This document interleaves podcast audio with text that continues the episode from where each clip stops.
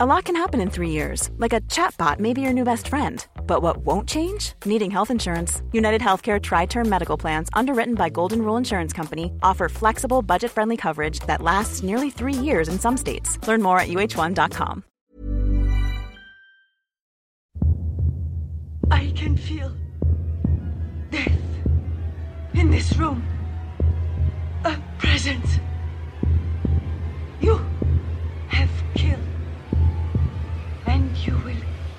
Kill again. I'm going to give the people what they want sensation, horror, shock. Send them out in the streets to tell their friends how wonderful it is to be scared to death. What I saw was a reflection in a mirror. I saw the face of the murderer.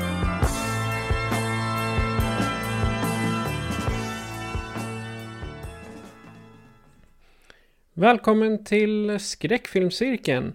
Och idag är det dags för att njuta av en av de stillsättande filmerna från 70-talet.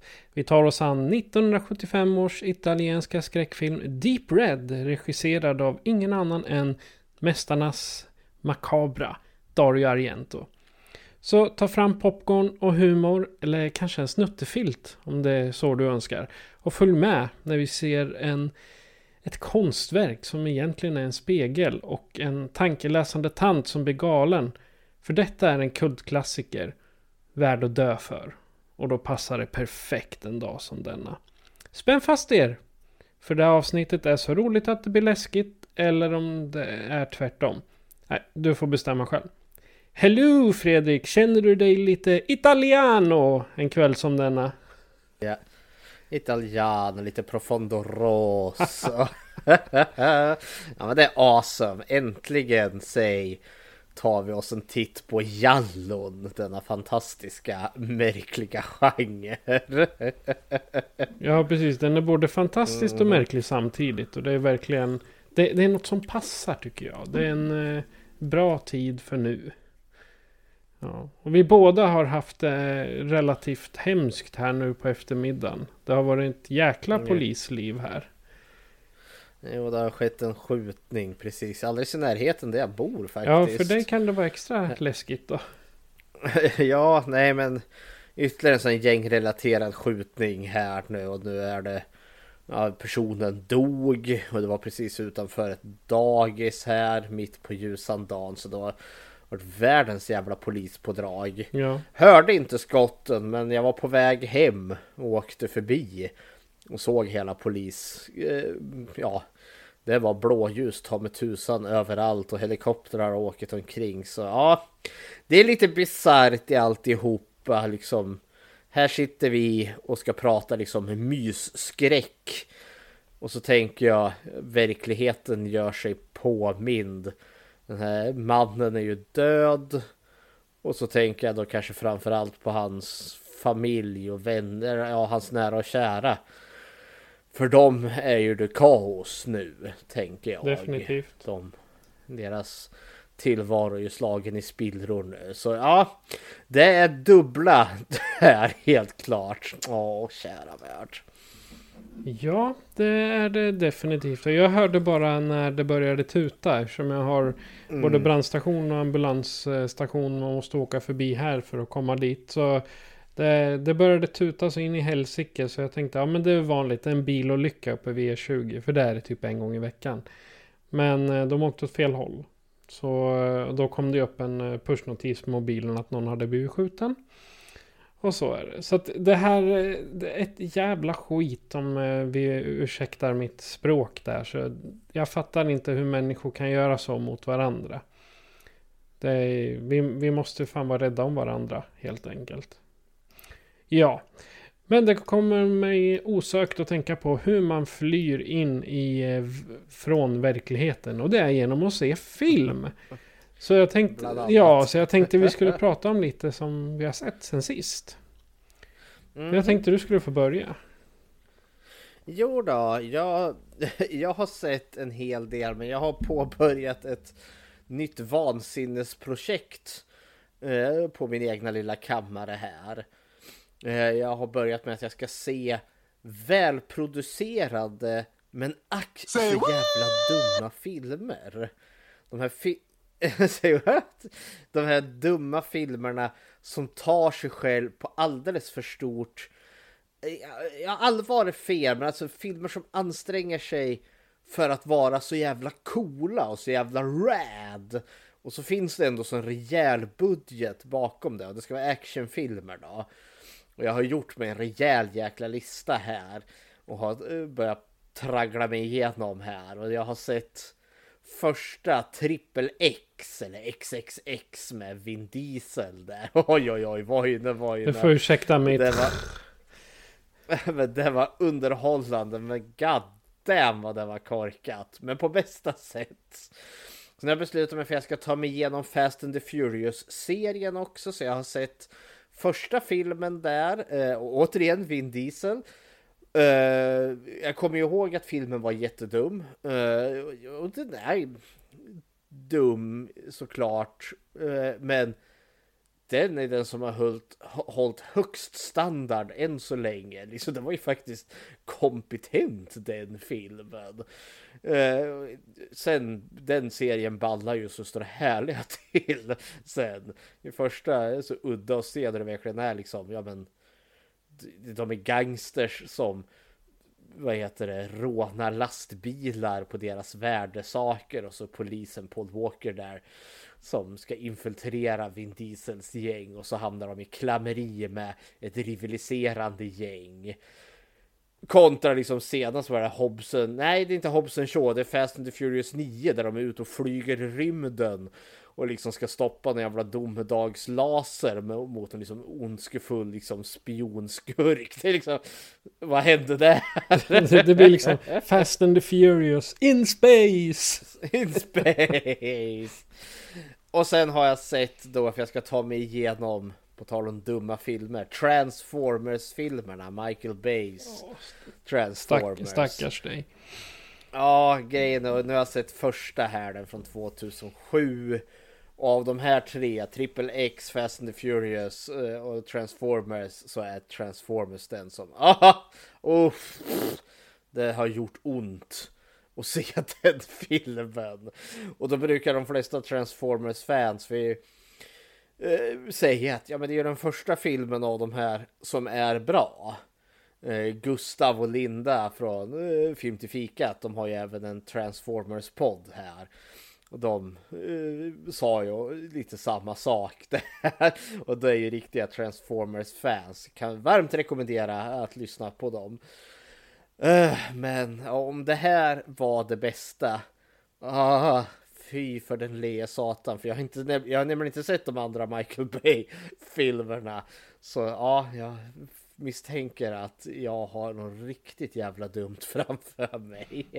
jag har sett eh, Men... Michael Bay-filmerna. Alltså, det är ju själva Transformers, Transformers, Transformer-plotten är inte direkt det som är intressant. Det är snarare grabbens sätt att liksom växa som person. Det är det. Ja, men det var ju han som jag, alltså Shia LaBeoufs karaktär där uh, Witwicky eller vad fan han mm, heter. Mm, mm, alltså jag kände, jag ville ju bara kärnvapenbomba Ja, ja herregud. Helvete, så fort jag såg ja, karaktären. Visserligen, men ah. hon tjejen, hon, är, hon var snygg då. Ja, jag kommer ihåg för jag såg den här när den kom. Jag bodde i Skottland när det begav sig. Och jag kommer ihåg att jag tyckte att ja, det här var en ganska dum film.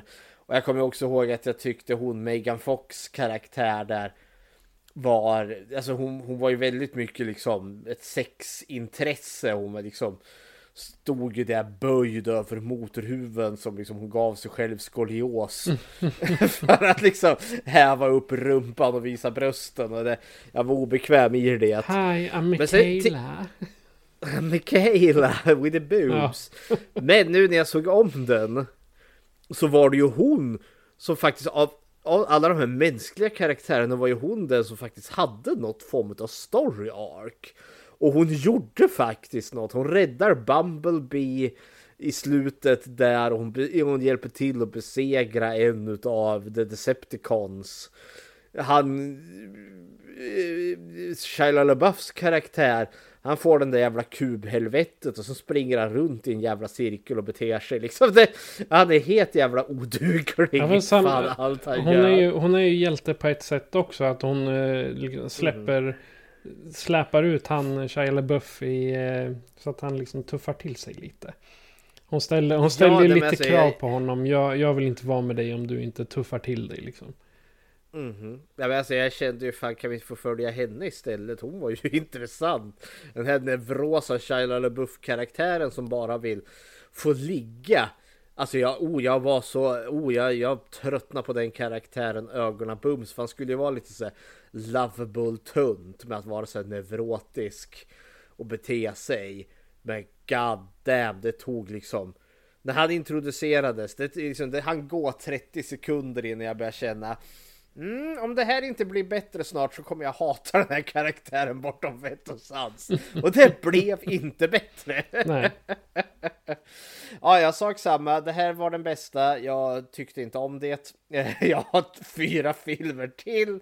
Sen kommer Bumblebee-filmen som många Transformer-fansen säger. Men den är faktiskt bra. Eh, Så ja. Mm. Men jag- Bumblebee jag har är den, jag tycker den karaktären är rolig. Ja. Men sen har jag lite fler på lut här. Jag tänkte att jag skulle kanske försöka hitta någon lista och ranka de här dumma jävla filmerna på. Eh, men än så länge så kommer nu Fast and the Furious högst upp på dum men välproducerad film och Transformers kommer längst ner här.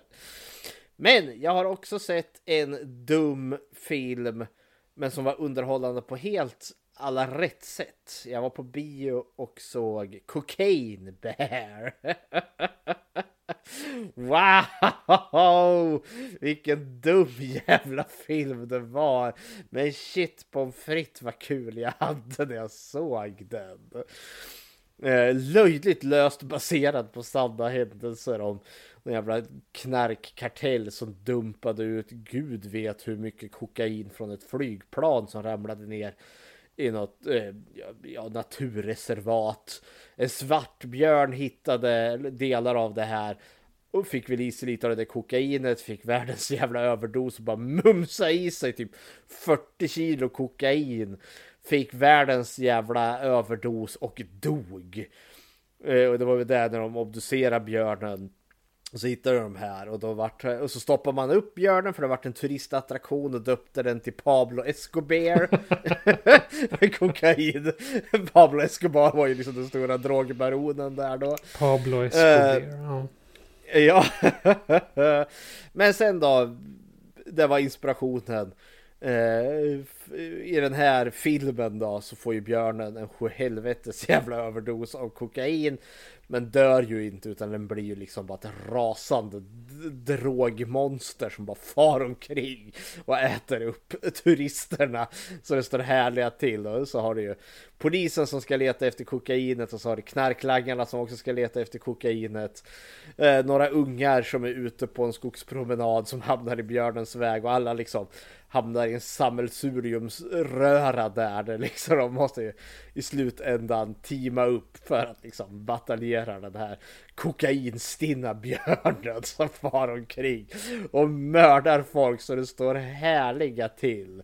Och det var en gorefest. Vi snackar liksom inte så här folk försvinner in i en buske och dör off screen utan det är liksom armar och ben faller av. Hej var det går.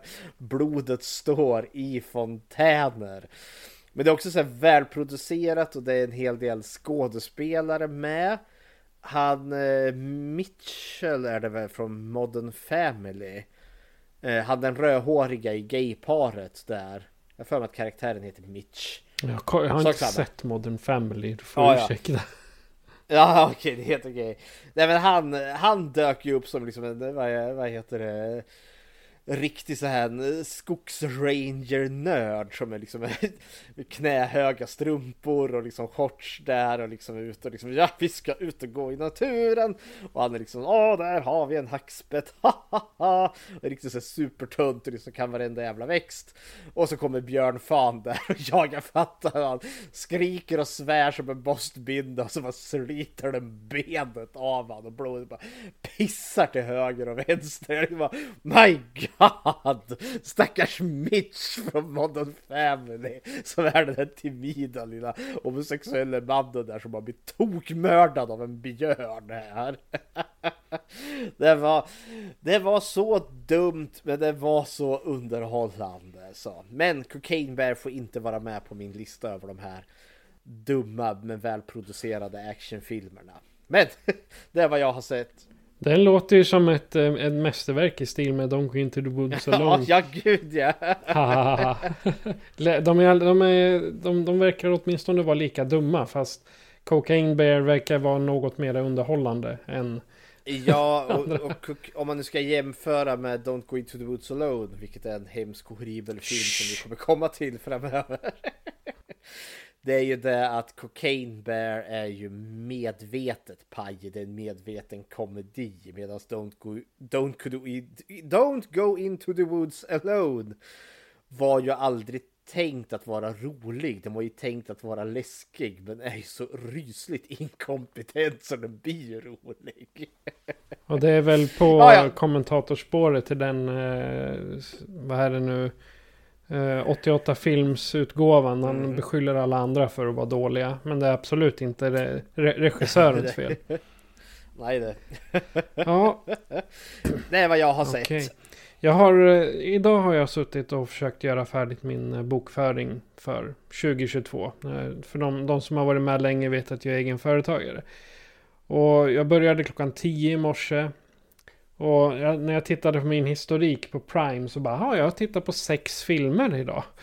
Så under tiden jag höll på med det så hade jag några sådana här eh, halvtaskiga filmer på. Men det var en som jag eh, fastnade lite för, pyttelite, och den heter A Feral World. Det är en independent film, postapokalyptisk. Den kom 20...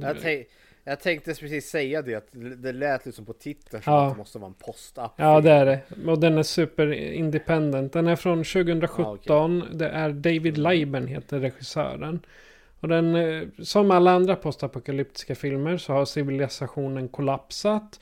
Och det är bara några få överlevande. Um, det är inte The Road. Nej, det är det inte. Men uh, då är det en pojke som jag har glömt bort Eh, Eh, namnet på. Han, eh, han ger sig ut på en resa för han måste hitta sina föräldrar. Eh, men jag tror att båda föräldrarna är döda. Det framgår dock inte. Och ute på sin resa så träffar han på en mamma som är ute och letar efter sin dotter. Och dottern har ju då försvunnit i början av den här apokalypsen. Det är också en dum grej. Man får aldrig veta vad det var som hände. Så, men eh, oavsett vilket så eh, de kommer det här, det, alltså den, den, är så dum att man, eh, man måste spoila den. Ja. de kommer då, det tar en halvtimme. Sen kommer de hem till någon som heter, ja, till, till, en man, vuxen man som samlar in barnen. Som har liksom spridits ut, tappat från sina föräldrar. Sätter på dem ett armband som han säger. Ja, om ni försöker ta över det här dör ni. Om ni går utanför området dör ni. Och ja, han är allmänt ond. Tänk dig The Governor fast han eh, håller barn fångna som ska göra tjänster till honom. Inte, inte våldtäkter och sånt utan det här de ska hämta massa grejer ute i världen. Och sen är filmen slut. Ja, men hämnas de inte ihjäl? Ja, men det, ja, ja, han dör ju sen. Självklart. Ja, med sin egen kniv. Men sen är filmen slut. Man får inte veta Jaha, vad... De, de bara dödar honom så är det slut.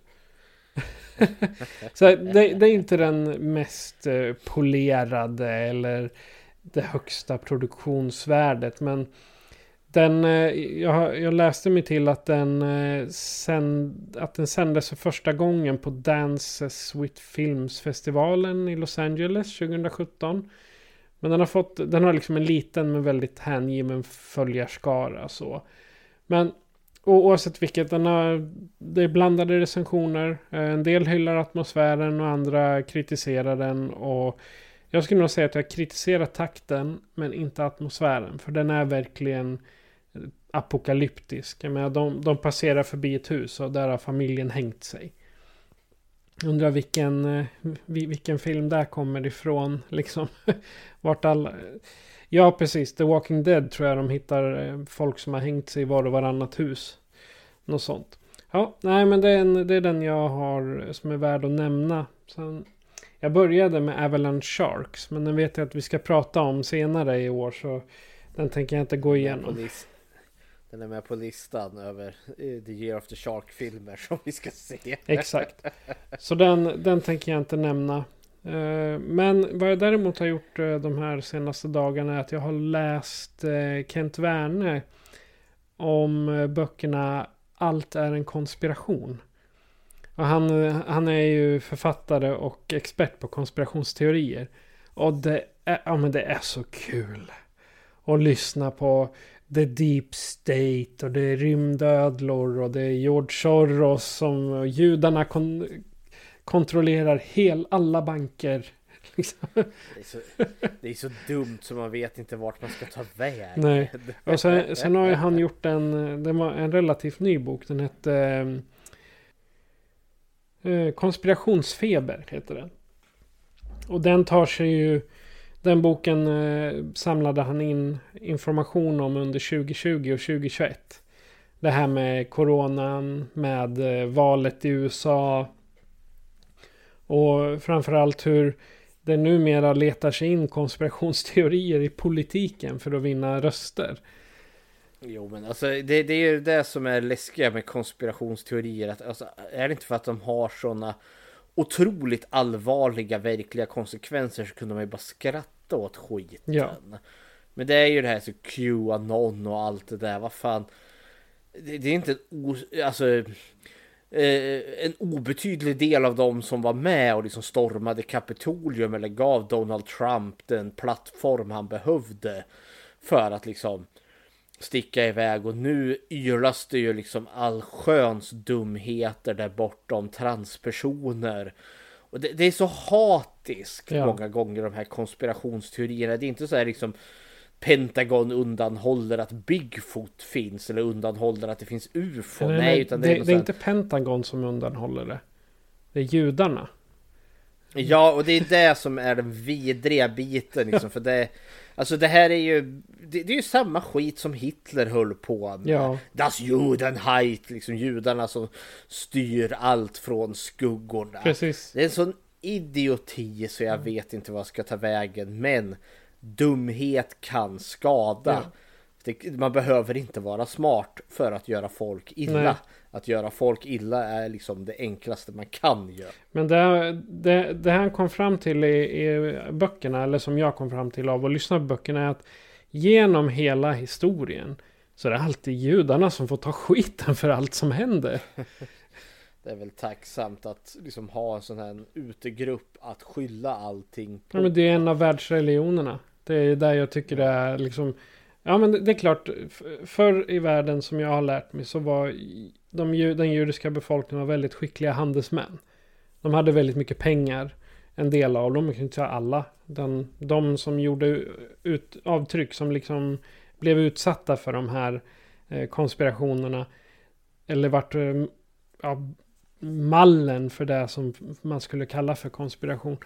Eh, de hade gott om pengar, de handlade med guld, de handlade med rikedomar och här alltså, så, jag vet var tillbaka till 15-1600-talet till och med. Men det bara kolla på Ivanhoe. Redan, redan där så är ju en, eh, hon Olivia Hussey, hon är ju jude där och liksom hon ger honom lite örtte och blir kallad häxa. Liksom. Ja men det, alltså, det var ju, det, alltså, det går ju längre bak än så. Ja. Liksom, jag vet när den kristna kyrkan bildades och liksom tog ju inte lång tid innan judarna var liksom, de var ju Kristusmördare. Och så var ju de liksom den stora fienden. Och jag vet ju att under digerdöden där, eh, den stora pesten under 1300-talet. Då anklagades ju judar. Ja. För att det var de som var orsaken för de hade förgiftat brunnarna och sådana saker. Ja, det kommer jag ihåg. Men jag, men jag tänker som alltid när det finns oroliga tider, det finns mycket rädsla i världen. Då söker man gärna någon att skylla på. Och här har det blivit liksom, ja men den här gruppen, det är de som är orsaken till allt. Men det, alltså det är lika dumt, jag tycker Grotesco där med Henrik Dorsin när han sjunger det är bögarnas fel. alltså det är det, det bara talar ju om hur jävla korkat det är. Liksom, det är bögarnas fel. Liksom, precis allt är bögarnas fel. Och liksom det är skitbehändigt. Och det är ju samma liksom. Det är bara byt ut, ut alltså i hans i sången där det är bögarnas fel. Byt ut bögarna mot judarna. Det är exakt lika dumt. Ja, nu, är, nu i USA så är det ju inte vapnens fel. Det är transornas fel. Ja, gud ja. För vi har ju den senaste skjutningen så var det ju en transsexuell där då som sköt ner den där skolan. Så aha, nu fick vi beviset här. Okej, alla andra jävla skjutningar som har skett då, som inte är gjorda utav transpersoner. Nej, men för det passar ju inte den politiska agendan som man har just nu. Det är ungefär som att titta på Jeffrey Dahmer. Liksom, aha! Se, bögarna är ju seriemördare. Ja, men Ted Bundy då? Och liksom typ 90 procent av alla andra jävla seriemördare som är typ vita heterosexuella män. Nej, kommer ihåg damer där. Mm. det är för dumt, det är för dumt, det är för dumt. Jag kommer ihåg, eh, jag såg på, eh, jag kommer inte ihåg om det var TikTok eller YouTube. Jordan Kepler tror jag han heter. Han är ute på stan och frågar eh, maga eh, folk ja, där. Just, bara, jaha, vi, vad är ja. farligast? Vapen eller transpersoner? Transpersoner? Jaha. så att eh, vapen man kan skjuta ihjäl folk med, det är inget farligt. Mm. Nej, det är inte vapnet som skjuter. Det är människan. Jaha. Det, alltså, det, är ju en, det är ju en kombination. Nu, alltså, det är inte alls en kombination med, med transor som mördar. Utan det, människor som mår genuint psykiskt dåligt och som, som lättillgänglig gång till de här jävla vapen avsedda för krig. De där AR-15 vapnen. Ja, fast de är inte automatiska. Vans... Nej, men de slår ju liksom hål stora som kokosnötter i folk. Alltså det skjuta dem med ett sånt gevär så är det tack och godnatt. Ja. ja, kära värld. Som sagt, om inte konspirationer kan få sådana dödliga, alltså verkliga konsekvenser så skulle man ju bara kunna skratta åt skiten. Ja, men jag ska säga böckerna var väldigt underhållande i alla fall. Det är, visst, de tar upp hemskheter, men det är så intressant att, att se tanken bakom eh, respektive konspiration. Så att, ja, det, that's it. Ja, men då tar vi och konspirerar oss bort till Italien och eh, vår käre vän Dario Argento. Och eh, jag, ja, jag måste säga då att Nej, jag skojar bara. Dario Argento är inte gäst idag. men du kan gärna få berätta lite om honom. Nej, men jag ska inte prata om Dario igen. Vi ska prata om Jallo. Ja, Jallo då. Ja, inte om men Dar Dario Argento är inte ju Inte om Dario Argento, för han... Ja, jo det är han. Men han får man ha som ett eget exempel. Okej, okay. men eh, då gör vi så att eh, nämn Dario Argentos eh, stora grupp av filmer. Tillsammans med ett gäng ja. andra regissörer. Så pratar vi om lite om Jallo. Mm -hmm. Vi ska tala om det som då har blivit eh, Jallo-genren.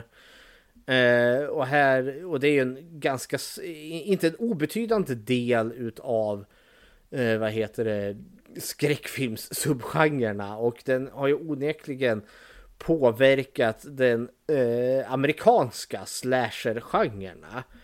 För slashen känner vi ju till. Vi har ju avhandlat ett x antal sådana. Hela eh, ja, Halloween-serien har vi avhandlat och ganska nyligen har vi avhandlat hela eh, Psycho-serien här. Eh, och vi har ju ett x antal stora franchises framför oss eh, kvar också som helt klart är slasherfilmer. Fredagen, Scream och så vidare. Eh, men innan slashern fanns, då fanns jallon. Men innan jallon fanns också krimin. För man kan säga att när det kommer till slasher-genren Eh, så är liksom slashen den sista steget i den här utvecklingen än så länge. Och Jallon den andra. Men Krimin den första. Så vi måste gå ännu mer bakåt i tiden. Och då tar vi oss en titt på den tyska Krimin. Som då sätter liksom tonen. Eller vad som blir liksom den naturliga utvecklingen. Och det här har jag hämtat väldigt mycket ifrån Eh, The Hysteria Continues.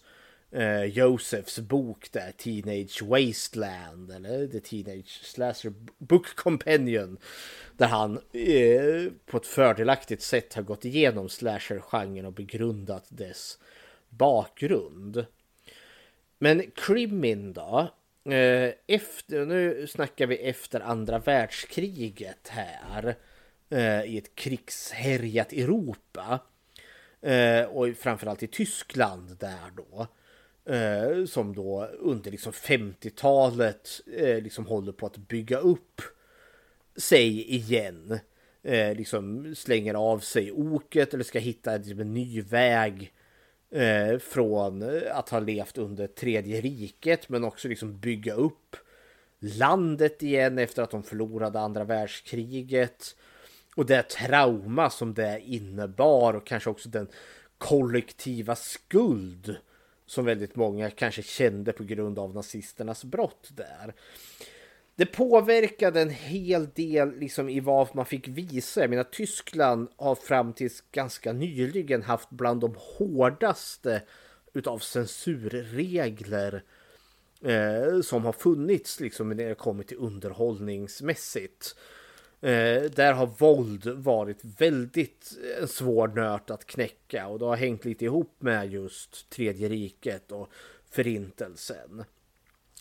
Men under då liksom 50-talet där under uppbyggnadsfasen och in på 60-talet där. Alltså människor har ändå så alltid haft ett behov utav underhållning. Och vi har liksom fått en ny generation tyskar där, då, unga eh, män och kvinnor nu som har vuxit upp. Eh, som inte erfarde liksom kriget. Eh, och då kom det liksom något rent underhållningsmässigt som då kom att kallas för krimin. Eh, och det kan man kalla liksom egentligen är föregångarna till typ morden i midsommar eller liknande. Typ kiosknoveller fast på film. Ja, i, ja, i mångt och mycket och det är faktiskt väldigt många gånger alltså kiosknoveller som filmatiserades. Och då har vi en man då som heter Edgar Wallace. Eh, en britt har jag för mig att han var. Och han skrev mycket sådana här liksom kiosk eh, deckare. Eh, som eh, allt som oftast har ja, men, en tre, fyra mord i sig och så liksom en mordgåta. Eh, person som ska lösa mordet och så eh, avslöjar vem mördaren är i slutet grejen med de här filmerna, eller de böckerna som senare blev filmer, var att mördaren har allt som oftast en ganska eh, utstickande mask. Alltså istället för att det är den här liksom mördaren som gömmer sig i skuggorna så täcker mördaren sitt ansikte med någon, eh, med någon mask. Och det var liksom som en grej att liksom eh, göra det att mördaren har en ny fräslig mask. Vi har då Edgar Wallace, The Fellowship of the Frog. det var ju sällskapet av grodor som på tyska då blev The Froch mit der Maske. Grodan med masken. Och mycket riktigt, där har ju mördaren i den filmen då, eller filmatiseringen av Edgar Wallace bok där, en grodmask på sig. Och det är det som får mördaren att sticka ut liksom när han begår sina mord där. Och så är det en stor grej när liksom deckaren avslöjar vem mördaren är.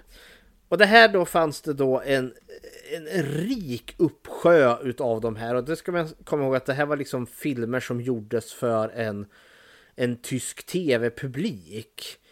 Eh, en som har stuckit ut och som har varit enklast att hitta det är en film som heter The Phantom of Soho Där mördaren då har en mask av, eh, av en förgylld dödskalle på sig. Eh, den är enklast att hitta för den har dykt upp i någon sån här samlingsboxar, typ 50 Horror Movie Collection. Men det är väldigt mycket liksom eh, uppbyggnad till ett klassiskt liksom slashermord. Vi har en mördare som går i skuggorna där och någon person som eh, finner sig förföljd vänder sig om. Där är mördaren. Ah, så en kniv i bröstet. Eh, och så faller personen död ner, men det är inte särskilt grafiskt. Eh, nu ska vi se. Det fick väl inte, det fick väl inte vara så grafiskt? Nej, det fick ju inte det. Men det här var ju lite att tänja på gränserna och det var ganska pajigt. Andra sådana titlar var The Strangler of Blackmore Castle, där liksom en otäck typ i en skidmask håller på och stryper en massa folk vid ett slott för att komma åt ett arv där. Det är släktingar som håller på och tjafsar om något arv. Eller De Wyger Slochte Blackmore. Ja, det har ju då den tyska eh, vad heter det, eh, variationen utav The Stranger of Blackmore Castle. Och, och, så fortsatte det och mycket av de här var ju liksom egentligen som någon form av förlängning utav eh, Agatha Christies eh, där hon skapar med sina pusseldeckare. Eh, eller eh, Sir Conan Doyles eh, liksom Sherlock Holmes berättelser. Men Agatha Christie är väl kanske den som är mest aktuell här. För i hennes, vissa av hennes böcker är ju riktigt alltså mordtäta ungefär som Ten Little Indians som på svenska fick det olyckliga namnet Tio små negerpojkar. För det är ju den här ramsan. Eh, de är, och en efter en försvinner de. Och där har du ju liksom, ja, ett x antal mord, för vi är ju som nere till typ en eller två personer där i slutet. Då har vi en så åtta mord som har skett där. Men den tyska krimin där då, den, då är vi liksom på eh, tidigt 60-tal och in där. Och det är då vi går och tar en titt till Italien här. Det är då de kommer. Jallon. Eh, för då är det nämligen ett företag ägt utav Arnoldo Mondatori Editori eh, som då bildades 1929 och bolaget heter då Mondatori. Arnoldo eh, Mondatori. Jag, jag tänker en eh, Eh, Arnold Schwarzenegger fast med bred hatt och lång rock. Ja. Ja. Eh, loggan är liksom A och M i någon kombination där. Grejen är att de, det bolaget där kommer liksom i vevande på 60-talet också börja ge ut alltså samma böcker som Edgar Wallace med liknande gav ut. Eh, alltså kiosklitteratur där då. Och på tyskan så kommer ju de att kallas för krimin. Eh, medans i Italien kommer han då att kallas för Jallo. Och Jallo, det betyder nämligen gul på italienska. Och varför de kallades för Jallon? Jo, det är för att omslagen till hans böcker, de här Mondatori Editori utgåvorna, de har gula omslag. Så det vart liksom i folkmun liksom det här att ja men jag läser en Jallo. Eh, och till slut så kom de även också att kallas där då. Eh, liksom i serien. Det för Il, eh, Il Giallo Mondatori. Eller Classic eh, Del Giallo. Så liksom det, man, man, gjorde liksom en grej av att de här liksom kom att kallas för Jallos överlag. Liksom den gula eh, bokserien. Och precis som i Tyskland Eh, så kom man ju då att börja filmatisera de här. Eh, och det då som räknas som den första, för här kan man verkligen sätta, här är den, den första Jallon. Den gjordes då 1963. La ragazza Vela troppo. Eh, som då eh, eh, på engelska vart The girl who knows eh, too much med ingen mindre än John Saxton. Kanske i skräcksammanhang känns då som Nancys pappa i Terrorn på Elm Street. Han är då deckaren här då. Eh, Eh, och det är då inget mindre än Mario Bava, uh, också en av de här stora italienska skräckfilmsfarbröderna uh, som regisserar den här. Och det är mer av en komedi, men den har det som kommer ha verkligen den här klassiska Jallo eh, estetiken sen. Eh, för det är det som kommer få de här filmerna att sticka ut. För Jallon är, det är som Krimin, fast mycket, mycket mer våldsammare. Mycket, mycket mer av en nerv. Alltså i Italien, där drog, tog man ut svängarna på ett annat sätt än vad man gjorde i Tyskland. För året efter, eh, 64 där då, då gör återigen Mario Bava det som då verkligen kanske då blir mallen och det är då The Blood and Black Lace 1964. Och där får du verkligen nästan allt det som blir den klassiska jallon. I den så har du då den grupp unga fotomodeller är det väl. De samlas på något någon herrgård. Jag kommer inte ihåg varför ska jag villigt erkänna. Men så är det då en maskbeklädd mördare som börjar ta livet av dem en efter en. Eh, och till skillnad från den tyska krimin så är de här morden ganska så grafiska. En kvinna får ansiktet avbränt på en varm spis. En kvinna blir huggen i ansiktet med en sån här spikklubba. Eh, en kvinna hittas död i ett badkar då med halsen avskuren så liksom blodet har liksom fyllt hela badkaret rött. De var inte så PK eh, där alltså. De, de kunde skicka på blod åt höger och vänster utan något ja, censurorgan. Gud, ja, Det, för liksom här tog man ut svängarna ganska rejält och lite, lite mer även om det inte är liksom kanske full frontal nudity, eh, det kommer bli mer naket i Jallon sen. Men så är det ändå så liksom de här kvinnorna, de sitter ju i bara underkläder och pratar om väder och vind medan mördaren ligger och flåsar eh, bakom någon gardin där. Men våldet sticker verkligen ut i de här filmerna och det är grafiskt värre. Eh, och Mario Bava sätter verkligen the template. Sen kommer folk liksom att följa efter. Dario Argento som vi nämnde här lite i början, han kommer väl liksom göra det här till en konstform sen. Men det är liksom blodet är grafiskt, eh, men eh, och det är då väldigt återkommande för de här filmerna.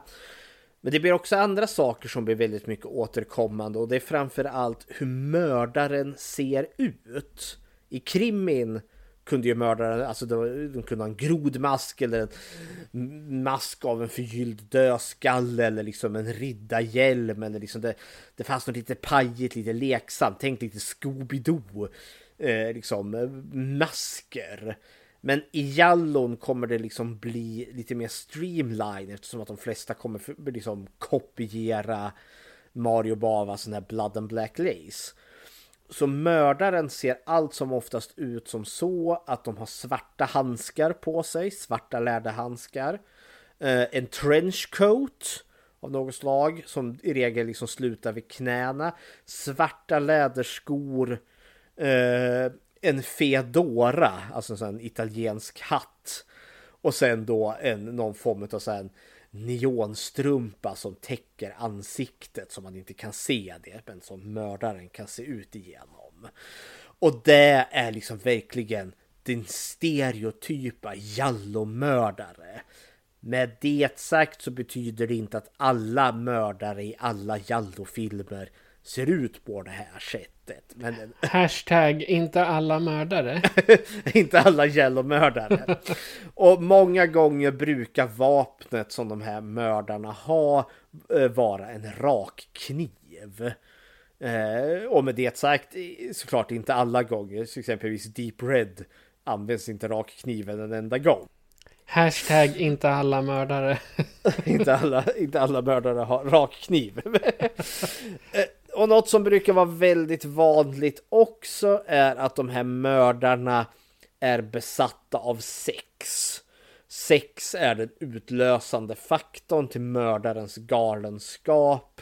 De är sexgalningar på ett eller annat sätt. Eh, och ja, hej hopp. Men Italien och eh, Spanien och områdena där var väl väldigt eh, konservativt katolska. Ja men alltså du har ju liksom Rom ligger ju Ja. i Italien liksom och det Ja, det, är där, det är där jag tänker att de, de spelar lite på det för att liksom sälja in det förbjudna.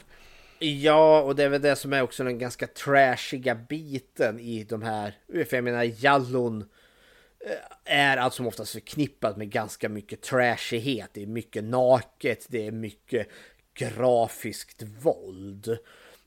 Sen kommer vi att komma till the high art Jallon som vi ska prata om, exempelvis Deep Red. Uh, för, men vi, vi kommer, vi sparar lite på när Jallon kommer in i finrummet. Men då... uh, då har vi då också en annan grej som är ganska typiskt för Jallon. Det är ju då alltså hjälten i, i de här filmerna. I slasher-filmerna så är det ju alltid The Final Girl. Laurie Strode från Halloween, Nancy från eh, Terrorn på Elm Street, Sydney Scream. Eh, och de karaktärerna har ju liksom en typisk Final Girl har typiska drag. Så är det även i Jallon. Men i Jallon eh, så ska man inte blanda ihop det med en Final Girl. Eh, för det är inte ovanligt i Jallon att vi har en manlig huvudrollsinnehavare. En Final Boy egentligen. Men det som är typiskt då för en huvudperson i en Jallo. Det är att personen är en utlänning.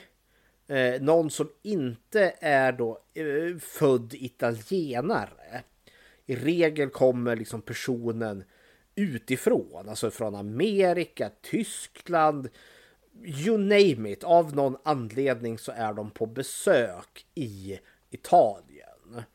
Och så kommer personen då att dras in i den här mordhistorien. Det är inte ovanligt att hjälten av en slump springer på inledningsmordet eller kanske vad heter det resultatet efter att liksom mördaren har varit där.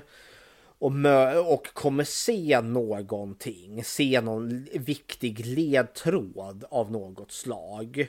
Eh, som då kommer leda till identifieringen utav mördaren i slutet. Och något som också är typiskt för de här ty- klassiska Jallo-filmerna är att huvudpersonen ger sig ut på en däck deckarresa. För det här är verkligen pusseldeckare där vi försöker hitta ledtrådar av diverse olika slag som på ett eller annat sätt kommer leda dem fram till mysteriet, till mördarens identitet, till varför mördaren gör som de gör eh, och sådana saker. Men eh, det är i stort sett aldrig polisen som gör det. Vi är vana vid Martin Beck eller Kurt Wallander i, i vår eh, kriminaldeckare. Men inte här. Här är det alltid privatpersoner som gör det. Och som i regel oftast är då turister i Italien. Jallon visar ju en väldig tilltro till sitt, eh, till sitt rättvisesystem måste jag säga. ja, nej, poliserna är alltså oftast ganska inkompetenta i de här filmerna. Fast det är, Men- det är inte bara Jallon. Det, det finns det ju flera filmer som tyvärr visar. Ja. Jag tänker hela Elementary-serien visar ju på att ja, New York-polisen suger. Och därför Ja. måste vi ta in två civila konsulter. Ja, Eh, nej men och sen, och det är ju inte ovanligt, Elementary är ju baserat på Sherlock Holmes och där har du ju också samma. Scotland Yard använder sig av Sherlock Holmes för att lösa de här svåra brotten. Men här blir det alltid en privatperson som får göra det. Ja, Sherlock Holmes har var ju en priv- han var privatdetektiv i och för sig. Jo. Sen har Jallon ett ganska roligt förknipp, alltså vi har väldigt mycket pseudovetenskap i Jallo-filmerna. Det är inte ovanligt liksom att vi får liksom så här, e-, egentligen Ja, vi pratade lite om konspirationsteorier innan. Liksom så här, lite sånt kan dyka upp i en Jallo. Exempelvis i vad är det, Dario Argentos Four Flies on a Grey Velvet. Där har du ju ett av lösningarna är ju att eh, på ett av mordoffren. Eh, det kör de ju då, de har själva näthinnan på ögat. Och så kan de köra det genom en projektor. Eftersom att det sista du såg innan du dog, det fastnar ju på näthinnan. det är en sån där gammal skröna som finns. Det är en del eh. amerikanska filmer som plockade upp också. Eller, om de, eller så plockar de upp det från amerikanska filmerna. Mm. Där har jag sett förut. Ja men det, det, är inte ovanligt med sån liksom sån härlig pseudovetenskap. Och det är heller inte ovanligt med liksom lite lätt övernaturligt i eh, Jallo-filmerna också. Deep Red som vi kommer prata lite mer om sen är ju faktiskt inne på det. Att, där vi har liksom telepati eh, som en, liksom en del i varför handlingen eh, kommer iväg. Sen också något som är väldigt typiskt för Jallon och det är liksom ett... De har väldigt filmiska drag. Det är väldigt många gånger ganska konstnärliga filmer. I regel, och det här är återigen då Dario Argento som kommer att sätta den eh, stilen med att liksom ha väldigt kanske mer övertydligt liksom, bildspråk, gärna liksom använda färger. Ungefär som att färgsätta hela rummet rött när mordet sker eller något sånt där. Hela, hela Suspiria är ju uppbyggd så i stort sett. Gud ja. Uh, eller liksom en väldigt stor fokus bara på arkitektur, konst. Uh, och det är inte fy skäms, för jag menar Italien är liksom en gammal renässansstad, knökfull med massa roliga statyer och uh, intressanta konstverk det, det, är inte ovanligt att vi liksom bara har scener som sveper över landskap med tavlor och allt vad fan det nu ska vara. Jallon, ni har, säkert, ni har ju sett det här liksom kniven som höjs mot eh, himlen och sen liksom dyker ner mot offret. Eh, Alfred Hitchcock gjorde ju det i Psycho med eh, duschmordet. Italienarna tog jävlar mig vara på det och gjorde en konstform av det. Eh, det som Jallon verkligen gav slasherfilmerna det är att du har det här point of view. Där vi ser ur mördarens perspektiv. Vi ser ur mördarens ögon. Kameran är mördaren då som ståkar sitt offer. Eh, och det är ju något som, ja men Halloween och Fredagen och alla de där liksom klassiska amerikanska slasherfilmerna kommer ju ta det rakt upp och ner. Och sen är det verkligen alltså, betoning på att det här är deckarmysterium. Det ska pysslas ihop. Och allt som oftast finns det gömda ledtrådar till vem mördaren eller mördarna är i de här filmerna. Och så ska man också eh, ta till mördaren och mördarens motiv det är inte ovanligt i de här filmerna att mördarna har ekonomiska motiv. Exempelvis det finns ett arv någonstans. Och så måste släktingarna bort så att jag kan ärva allting själv. Kontra slasherfilmerna där det allt som oftast är en oförrätt som har hänt. Ungdomsgänget har busat, gjort ett practical joke som gick överstyr och skadade mördaren eller skadade någon som mördaren tycker om och då är det ett hämndmotiv mördaren har. Men i Jallon är det inte alls ovanligt att mördaren är där för att gynna sin egen ekonomi. och så ska vi då onekligen föra till att ljudet är speciellt för det är italienska filmer. Och Italien dubbar precis ta med fan allting. De dubbar väl till och med när de pratar italienska? Jajamensan, det är den italienska filmkonsten överlag.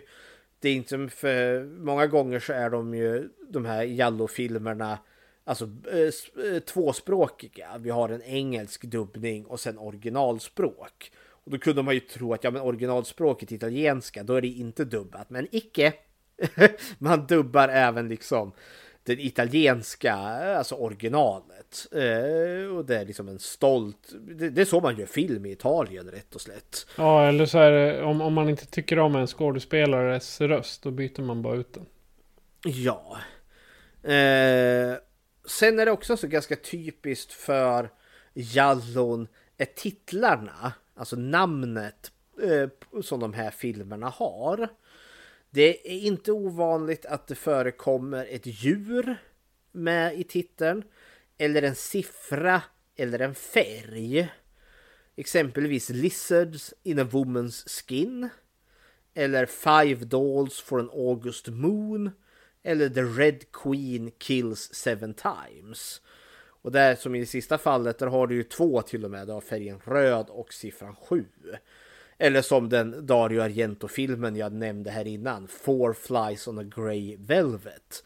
Där har du alla. Du har både flugor, siffra och en färg. Full pott. Och alltså full pott. Och allt som oftast finns det någon form av koppling eh, till liksom vad filmen kommer handla om på något vis och vänster.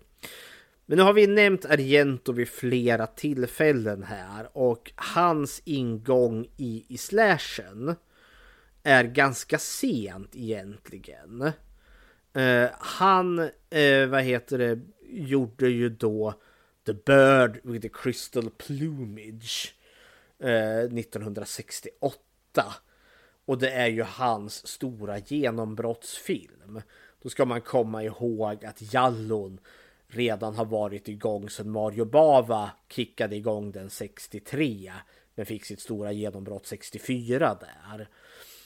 Så jag menar, han, han är liksom sen in på bollen. Men det Dario Argento gör är att han gör det här till någon, alltså han flyttar in Jallon i finrummet.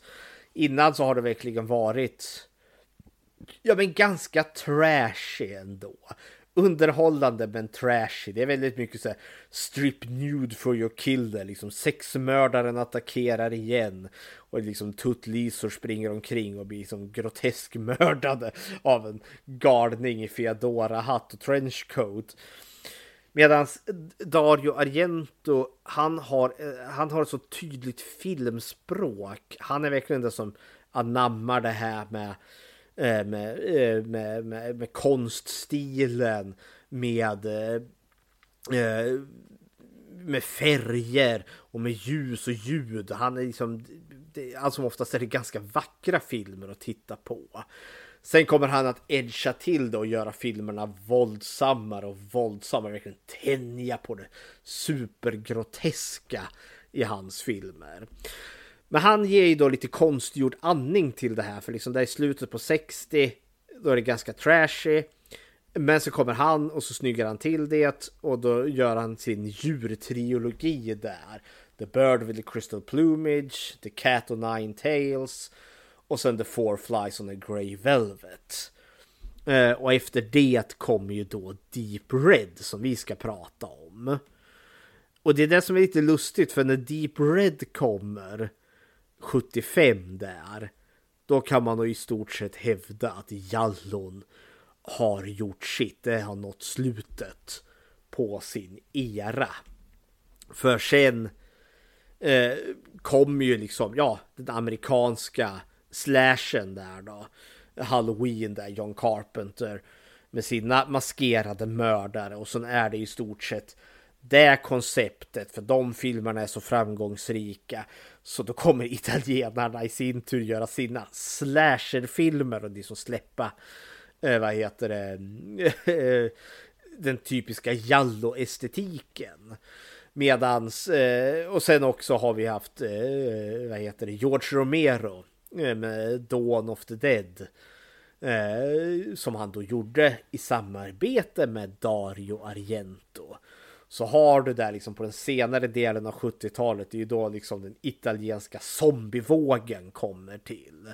The Zombie Flesh Eaters, då Lucio Fulci, the, the, the Grandfather of Gore börjar göra sina liksom slaskiga jävla zombiefilmer. Eh, uh, eh, the Gates of Hell-trilogin som våra vänner i podden som fruktade solnedgången har gått igenom förtjänstfullt. Så det kan ni lyssna på den. Ja, alltså just eh, Dawn of the Dead är ju den mest sceniskt, eller vad, vad, vad säger man? Den mest visuellt eh, sköna utav alla de of the Dead filmerna kan jag tycka. Men alltså det, jag skulle hävda då liksom storhetsperioden, alltså Jallon har verkligen, alltså från egentligen då 64 med starten Blood and Black Lace eh, så har den sin period till och med Deep Red 75 här. Det är liksom den stora eran. Med det sagt så betyder ju inte det liksom att det aldrig gjorts en klassisk Jallo igen. Men liksom det är aldrig liksom som att den genren har liksom kunnat stått på egna ben sen, sen dess. Men sen har vi liksom även i modern tid liksom haft filmer som hyllar Jallon. För jag tänkte den generation som växte upp med de här filmerna har senare blivit filmskapare själva och gjort sina egna då filmer och då liksom vill göra sina Jallos eller sina hyllningar till Jallos. Och då har du ju då The Editor, eh, en fantastisk film.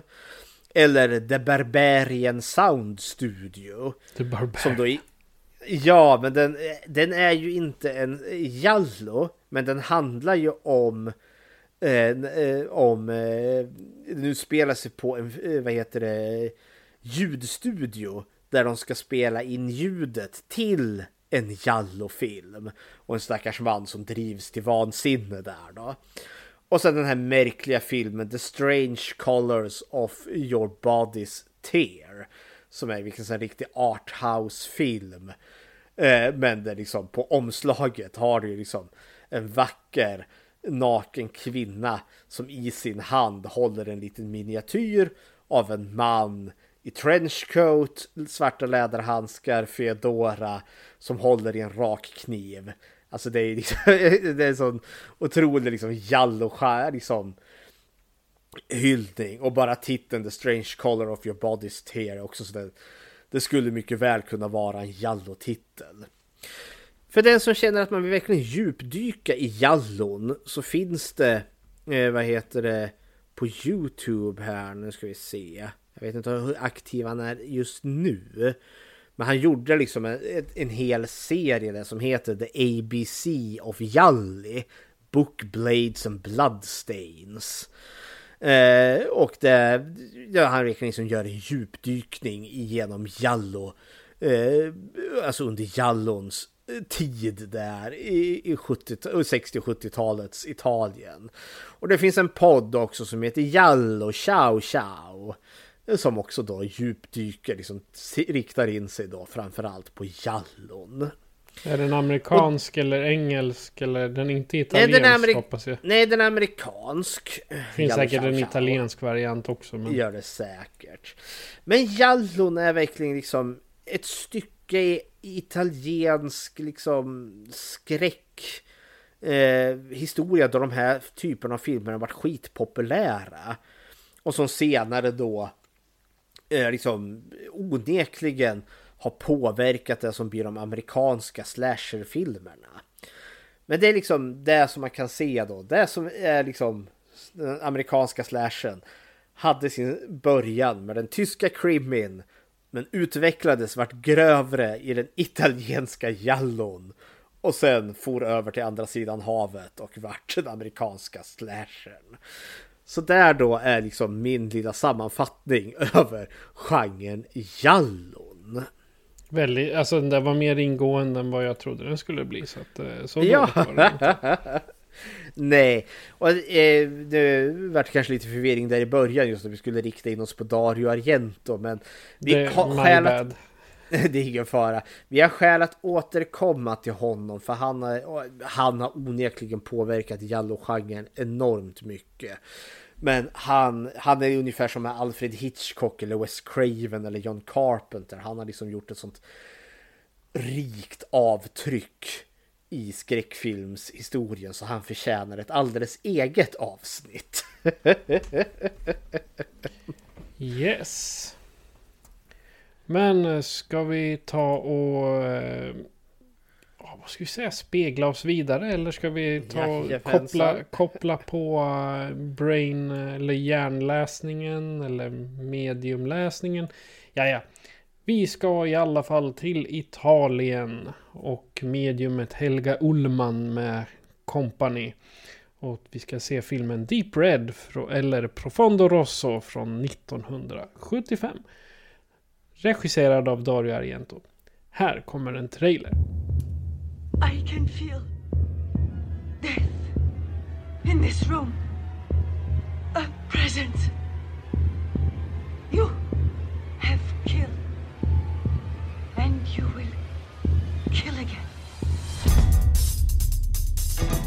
The murderer is a schizophrenic paranoid. Anyone who kills with such frenzy surely does it in a state of temporary madness. And when he kills, he must recreate these specific conditions. What was that? I saw a man in a brown raincoat walking away from the building. You're doing messing around with this business anyway? I told you to stay out of it. What is it? Didn't you hear that? There's somebody in the house absolutely trying to kill me. If you hadn't stuck your damn nose in it all.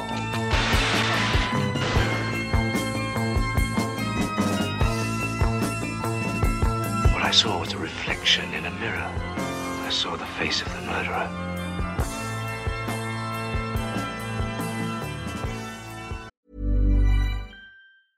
Life is full of awesome what ifs, and some not so much, like unexpected medical costs. That's why United Healthcare provides Health Protector Guard fixed indemnity insurance plans to supplement your primary plan and help manage out of pocket costs. Learn more at uh1.com. Millions of people have lost weight with personalized plans from Noom, like Evan, who can't stand salads and still lost 50 pounds. Salads, generally, for most people, are the easy button, right? For me, that wasn't an option. I never really was a salad guy. That's just not who I am. But Noom worked for me. Get your personalized plan today at Noom.com.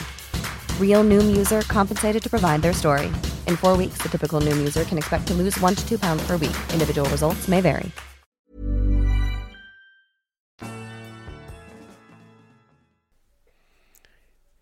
Musikern Marcus Daly bevittnar mordet på det berömda mediumet Helga Ullman. Daly blir där, därefter besatt av att lösa mordet och samarbeta med reportern Gianna Brezzi för att avslöja mördarens identitet. Under utredningen inser Daly och Brezzi att mördaren riktar in sig på personer som besitter ett visst musikstycke. Duon befinner sig snart i mördarens korseld och de kämpar mot klockan. Det är plotten till Dario Argentos Deep Red eller Profondo Rosso från 1975. Då Fredrik, eh, låt höra dina inledande tankar om Deep Red. Deep Red. Eh, den här filmen är en sån som jag har sett eh, ganska många gånger ändå. Jag tror första gången jag såg den var lite i kölvattnet utav eh, ja, men, filmer som Scream. Eh, för det var den som i regel liksom kickade igång mitt skräckfilmsintresse så det stod härliga till. Och det var då jag liksom vart förälskad i hela slasher-genren. Eh, och återigen så är det The Hysteria där. The Hysteria Lives som hemsidan heter. Som senare gick och vart podden The Hysteria Continues. För där listade ju Eh, eh, vad heter han nu? Inte Josef, den andra fan. Han med katterna. Då står det stilla. Det är Josef, Eric, eh, Nathan och eh, Justin. Fan, fan. Justin som har skrivit alltihopa. Grundaren till The Hysteria Lives. Han har ju gjort en jättestor liksom hemsida och liksom listat eh, alltså slasher eller slasher-eska filmer. Och det är ju där, det är han som har liksom kategoriserat den här krimin, jallon och slashen. Eh, och det var ju en guldgruva för mitt tonåriga jag. Att liksom eh, bara hitta de här titlarna ens en gång. Och för där har han också betygsatt dem från 1 till eh, 5 där då. 1 är sämst och 5 är bäst. Och då liksom med stor aptit läste jag igenom de där liksom olika titlarna. Och det var ju då liksom jag hittade bland annat Deep Red. För den fick nämligen en 5 av 5. Liksom full pott. Eh, och det var liksom i det sammanhanget jag liksom ens vart, alltså mötte den här liksom ordet jallon. Liksom började, fick bli, liksom bli min crash course in i den italienska liksom skräckfilmsundret här. Eh, men nu snackar vi ändå så liksom ja, senare delen av 90-talet. Så de här filmerna var ju inte lätta att få tag i. Men jag fick fatt i någon fnissnisse som sålde VHS-kopior. Verkligen så här, back in the days, liksom koppla ihop två VHS-spelare och sen då spela över en kopia till den andra. Men det var så man fick göra för att få fatt i dem där och han tog betalt per titel och det var awesome. Nej men på så sätt så kom jag i, i fatt med de här och jag vart ju liksom förälskad och började sluka de här titlarna. Men Deep Red stack ut. Dels för att eh, ja men eh, The Hysteria har gett en så bra betyg. Men jag tyckte också att den var bra. Eh, grotesk också liksom när den väl är våldsam. Eh, och liksom, liksom väldigt drömsk på ett annat sätt. Men framför allt sitt jävla soundtrack av The Goblin där. Eh, men ja, eh, så den här har varit med mig ganska eh, sen, i, sen i unga dagar, sen mina glada tonåringar där. Eh, upp nu liksom i gubbe 40 års ålder här. Eh, så är, men Deep Red Eh, ja, det var min, min, introduktion, mina initiala tankar och eh, jag ska inte babbla allt för mycket på det. Men vad är dina, ditt första möte med Deep Red och initiala tankar? Deep Red mötte jag första gången. Eh, jag tror faktiskt det var skräckfilmscirkeln jag såg det på första gången. Jag, var, jag hade sett andra Jallo-filmer eh, förut. Men just Deep Red var nog första gången på skräckfilmscirkeln. Och jag kommer ihåg att eh, första, första gången jag såg den så tyckte jag den var lite... Nej. Jag, jag hade ju väntat mig en typ Jason, eh, Michael Myers. Eftersom vi, hade, eftersom vi pratade innan om att det här var liksom proto-slasher. Det var innan slashern blev slasher. Och jag tänkte, ah, ja men nu kommer det blodiga. Eh, blodigt, det blir slagsmål. Det, han kommer eh, stå och lurka in något hörn. Han har mask. Och det här var lite för artsy-fartsy för mig först. Men sen har jag sett den här flera gånger och andra Jallos efter. Och har ju kommit fram till att ja, men det här är lite... Det är som en slasher fast lite mera renodlat kan man säga så. Det är som att spela funk istället för reggae liksom. Dunk, dunk, dunk, dunk. Ja. Det, eller ska och reggae. Det, ja, sak samma, nog med, med musikreferenser. Men det, det, känns liksom som att den italienska, eller kändes, nu vet jag, eh, kändes som att den italienska jallon var mera top notch. Alltså lite finare än vad typ Jason och Michael Myers är. Men då, Jason och Michael Myers, då är det verkligen blod och naket. Och här är det blod och lite naket med stil. För jag menar Jason kommer med en lång machete och här har vi en eh, mördare som eh, dödar minst lika många fast med en eh, jäkla rak kniv. Så har inte en, en... Eh, så jag säger det, Jason fuck off. Du ska möta en Jallo-mördare, då är du körd. Så jag skulle vilja se J Jason versus Jallo istället. Mm. Den här är ju ganska lustig på det sättet för att vapnen mördaren använder i den här är ju lite mer slasher-eska. Mördaren använder ju aldrig en rak kniv i den här filmen. Men är ju däremot beväpnad med en köttyxa. Så liksom det, det, är en liten brygga över här till liksom Jasons lite grövre vapen. Men det ligger något i det här liksom att det finns en annan känsla för stil och finess. Definitivt. Medan liksom, fredagen och halloween har kanske lite mer av en plumphet till sig. Inte för att det är dåligt, men alltså det, det känns lite som att ja, men det här är lite liksom mer som ja, men, finfolket ändå som kan sitta där och liksom ma. Det här är ändå så fin kultur medan fredagen den 13 är ful kultur. Men i stort sett så är, men i stort sett så är det ju samma sak. Det är liksom folk som blir mördade på groteska sätt. Ja. Ja, kära värld. Då så. Och en annan anledning också väl liksom att varför jag ändå har valt eh, Deep Red här till Jallo avsnittet. Det är liksom för, för den som ändå så är obekant med den här genren. Eh, och känner liksom, ja men nu har jag blivit lite nyfiken. Eh, massbeklädda mördare som knivar ihjäl folk, det är ju kul. Och kanske vill ju ge sig i kast med, eh, vad heter det, Jallon. Det kan vara ganska omtumlande för det är liksom det är inte en amerikansk slasher även om det finns drag av dem. Eller ja, snarare det är ju de här som har påverkat den amerikanska slashern. Men om man vill börja någonstans så är Deep Red en väldigt bra första gången Jallo-film att se. För att få lite tonen, vad liksom en klassisk Jallo är och sen är det också liksom genuint bra regisserad och iscensatt och hela konkarongen. Så Deep Red är en väldigt bra första Jallo-film om du inte har sett en Jallo-film innan. Exakt. Men ska vi prata lite karaktärer då kanske? Ja.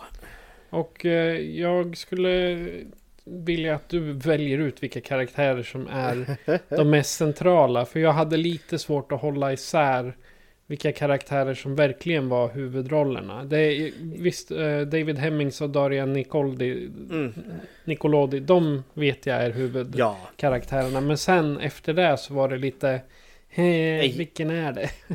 Ja, egentligen alltså det, det är väl i regel de två som är de centrala figurerna. Sen har vi mycket mindre figurer, lite sådana här red herrings. Vi ska ha ju några att misstänka här.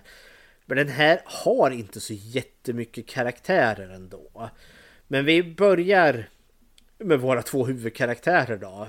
Och vi börjar då med Marcus. Eller David Hemmings. Vad tyckte du om honom? Alltså när jag såg David Hemmings då, då tänkte jag... Hmm. Här har vi... Eh, eh, vem ska jag dra som exempel? Här har vi Castle. Jag vet inte om du har sett den tv-serien.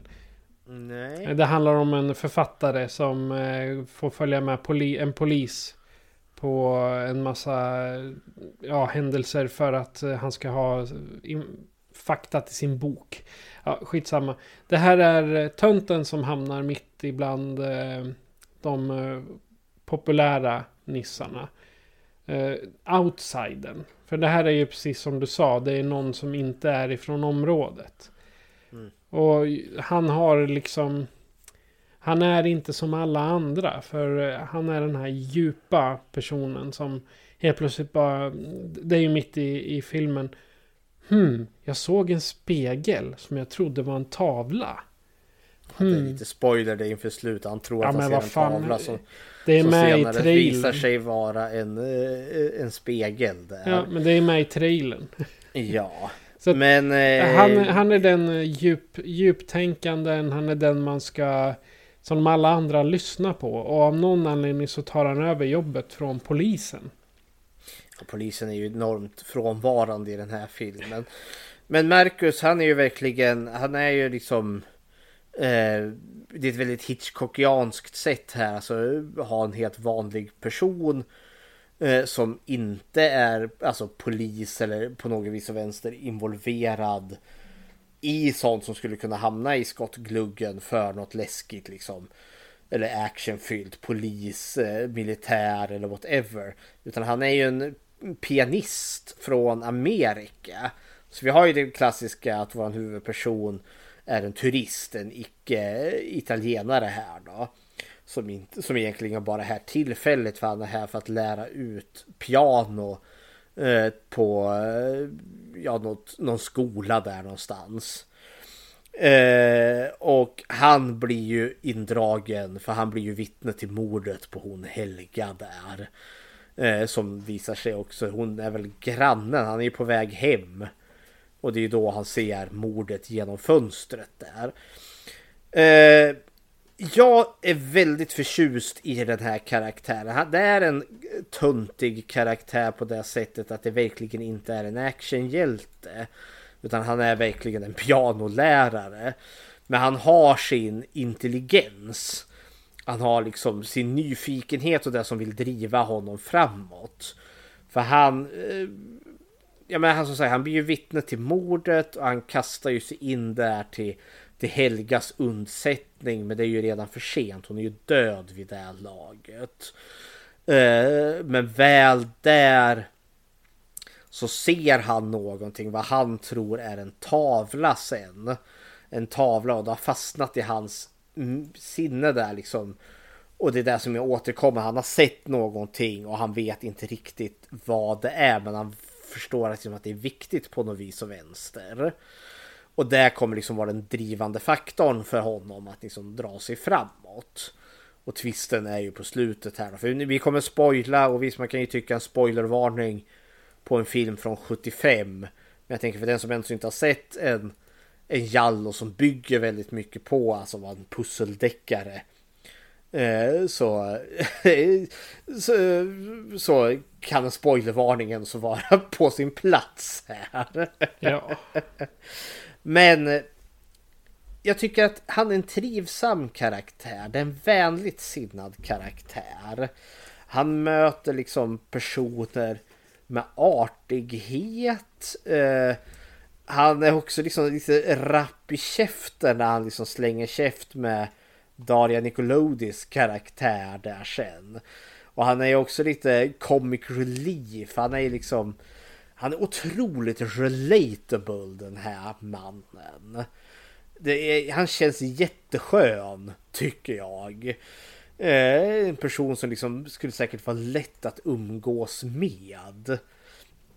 Eh, så eh, Marcus i den här är liksom en väldigt trivsam hjälte att följa. Eh, ja, har du några mer tankar kring honom?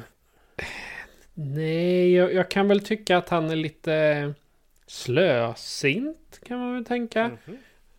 Alltså han är, eller eftertänksam kan jag tänka mig. Han, ja, det för slösint, det låter som att han är efterbliven. Nej, inte slösint, men uh, han, han tar tid på sig när han tänker. Det är där jag, mm. det jag tänker. Det, han är som mig. Jag tar också tid på mig när jag tänker. Nej, men han, är, han är den här både omtänksam och eftertänksam. Sen mm. tycker jag också att han är... Det, det är som, som, som jag berättade i början att han blir besatt av det. Mm. Och han ringer ju Gianna typ hela tiden. Och säger mm. ja men jag har det här. Okej jag kommer säger hon. Så vi kanske kan eh, glida över på henne då. Gianna Brezzi. Ja, reportern. Daria, Daria Nicolodi som senare då blir fru till... Eh, hon gifter ju sig med Dario Argento. Ja. Mm. Och det, det är samma, eh. samma där. Hon blir, rasar ju rakt in i eh, att vara... Eh, vad heter det? intresserad utav det här eller besatt rent utav. Men hon är ju journalist. Ja, och apropå eh, ingenting så dog hon eh, den 26 november 2020. Så hon har, ja. var inte länge sedan hon gick bort.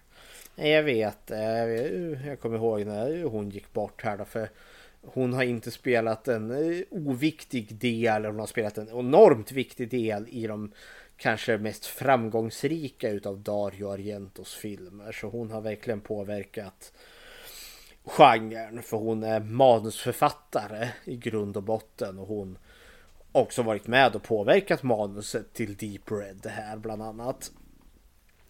Nej, men hon är ju journalist och hon, det är lite den här fast talking dame eh, som liksom amerikanarna hade där liksom i crime noir delen. Men hon är också en väldigt rolig karaktär. Hon röker eh, och, och liksom dricker så det står härliga till. Eh, och hon liksom, eh, verkligen, hon, hon, vill ha sitt skop. Eh, hon ska lösa det här mordet på det här tyska mediumet Helga.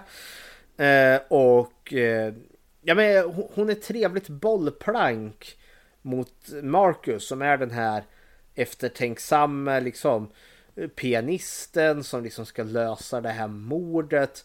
Men hon är ju den som bara knäcker idéerna, pang, pang, pang, pang. Hon är liksom rapp i käften och hon är också den som liksom går först. Hon är liksom den mer aktive liksom som driver på, driver på, driver på. Eh, och det jag tycker de är väldigt trivsam kombo. Det blir också en liten spirande romans de två sinsemellan. Ja, samtidigt så är de är ju varandras motpoler. Mm. Hon, hade det, hon behövs för att driva handlingen framåt så att det blir Mm. lite liksom ele elektricitet i, i farten. Är, han är ju som en urladdad elbil egentligen ibland. Han är, för- jämfört med henne så går han långsamt fram. Ja men alltså han Han sitter ju inne på, alltså, han har sett någonting och han har liksom lite funderingar. Men hon är den som vrider och vänder på de här tankarna, liksom spitballar idéer. Vilket får honom att börja tänka, ja men just det, och så beger han sig iväg. Sen är ju hon reporter också så att hon har den här...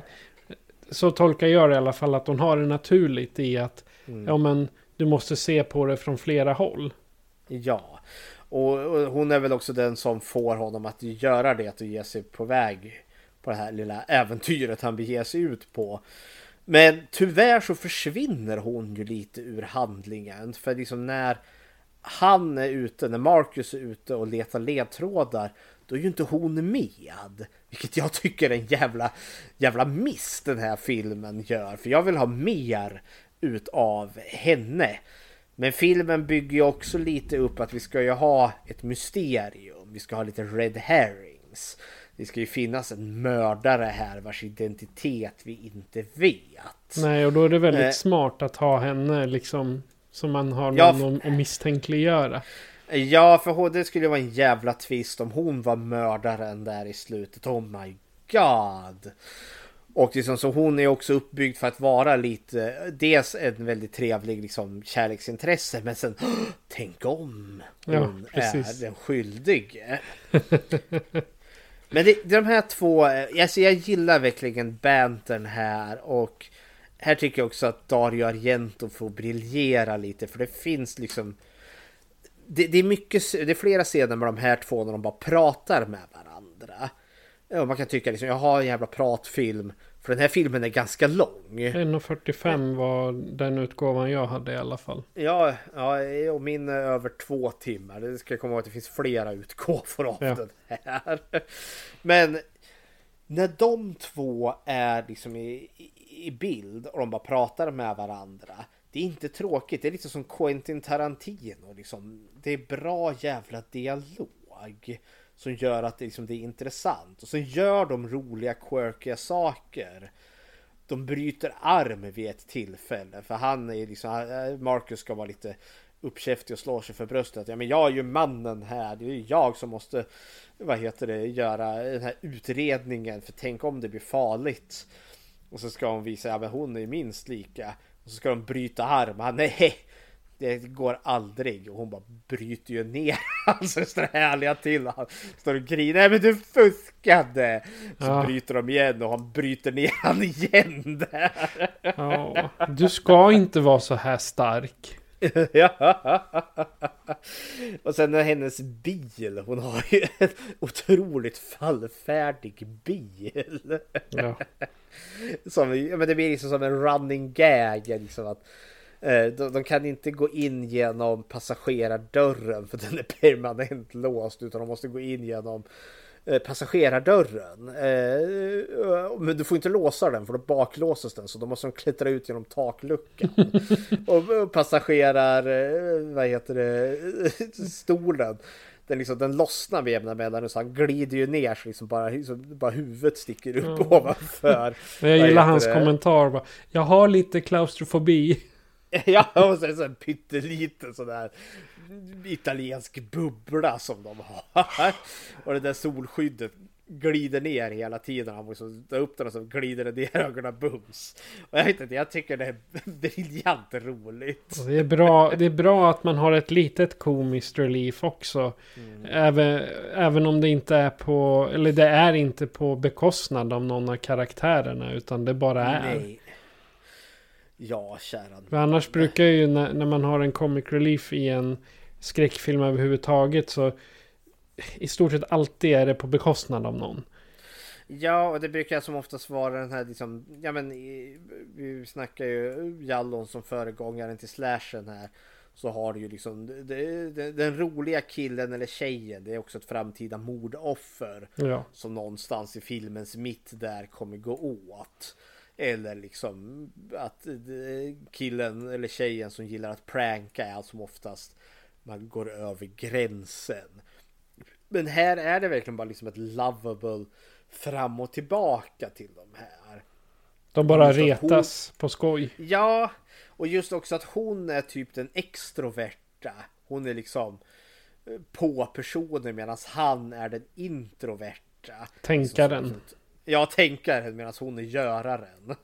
Men det är ju också, är han, är, han är pianist och hon är reporter. Så det, ja. alltså de lever ju helt olika liv och det borde ju, det är också en väldigt bra grej som har gjort här, att de faktiskt använder hennes yrkesroll som reporter. För som reporter måste du kunna prata med folk och ta för dig. Ja, helt klart. Och sen om det var en baktanke med det eller om det bara är ett lyckligt sammanträffande. Det kan inte jag säga någonting om nu. Men Nej. Eh, jag hoppas på att det är en baktanke. För eh, i sådana fall så är det genialiskt. Nej, men det är väldigt två, alltså två huvudkaraktärer är otroligt trivsamma. Jag blir liksom glad när jag ser de här två. Eh, sen eh, vad heter det, Daria Nicolodi eh, gör en väldigt liksom, alltså, glad, livfull karaktär. Och David Hemming som den här ganska tafatta pianisten som ska lösa ett mord. Är också ganska trivsam i sin släpighet. ja, alltså ingen av karaktärerna är tråkiga.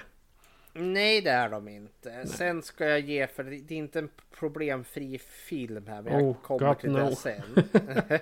men den är i stort sett problemfri. Men ja, jag har Aj, lite gripes med alla, alla filmer har sina problem. Så är det bara. Såklart, såklart. Ja. Men sen vill vi jag prata ta... om Ursula. För hon, eh, hon måste vi nämna även fast hon dör ganska tidigt. Eller menar du Helga? Ja, Helga, förlåt. Ja. Inte Ursula. Men, men fasen, var, var fick jag Ursula ifrån? Ull, nej, jag blandade ihop Ullman. Så vart det Ursula. Ja. Helga Ullman. Ja. Vårt tyska medium här. Och det är här vi får den här pseudovetenskapliga biten. Liksom hon, hon är ett medium som kan läsa folks tankar. Och det kommer ju liksom sätta igång hela den här mordhistorien. Men vad tyckte du om Helga? Jag gillar henne. Jag gillade den... Eh, där, på det, det sättet de framställde henne. Mm. Alltså en... Eh, egentligen så sitter folk runt om och viskar bara hon är korkad. Hon är mhm. jättekonstig. Liksom runt om det. För det, så tolkade jag det i publiken. Folk sitter liksom och vickar på huvudet bara du är konstig. Det här är inte normalt. Och så... Och då när hon bara, när hon kom in och bara du har dödat och du kommer göra det igen. Då tänkte jag nu får hon revansch. Vilket hon, ja hon fick väl revansch eftersom hon vart mördad sen. Hon hade rätt. Ja för det är ju liksom setupen där är liksom att det är mer akademiskt egentligen. För det är ju inte så här spågumma i, i något liksom tält på något tivoli. Nej, nej, nej. Utan det är liksom, vi är ju på i en uh, jättefin, uh, vad heter det, teater. Och det är också en del, vi, vi kanske kommer prata plats, lite miljöerna sen. Är ju, Alltså han har ju verkligen ansträngt sig att hitta de vackraste platserna och filma det där på. Men det känns som att det är någon sammanblandning utav att hon är där i något form av akademiskt syfte. Det finns liksom eh, någon eh, universitetsprofessor där som senare också kommer få smaka på mördarens kniv mm, där. Nam, nam. Men, eh, men eh, så det är liksom man har ju blandat ihop liksom det akademiska med liksom paranormala liksom. Man gifter liksom vetenskap med pseudovetenskap här och hon är liksom där för att uh, bevisa eller bara visa prov på det här. För den första personen de pratar med, oh du heter si och så, du har de här nycklarna i din i din ficka och så beskriver hon dem och så tar han ju fram den. Oh!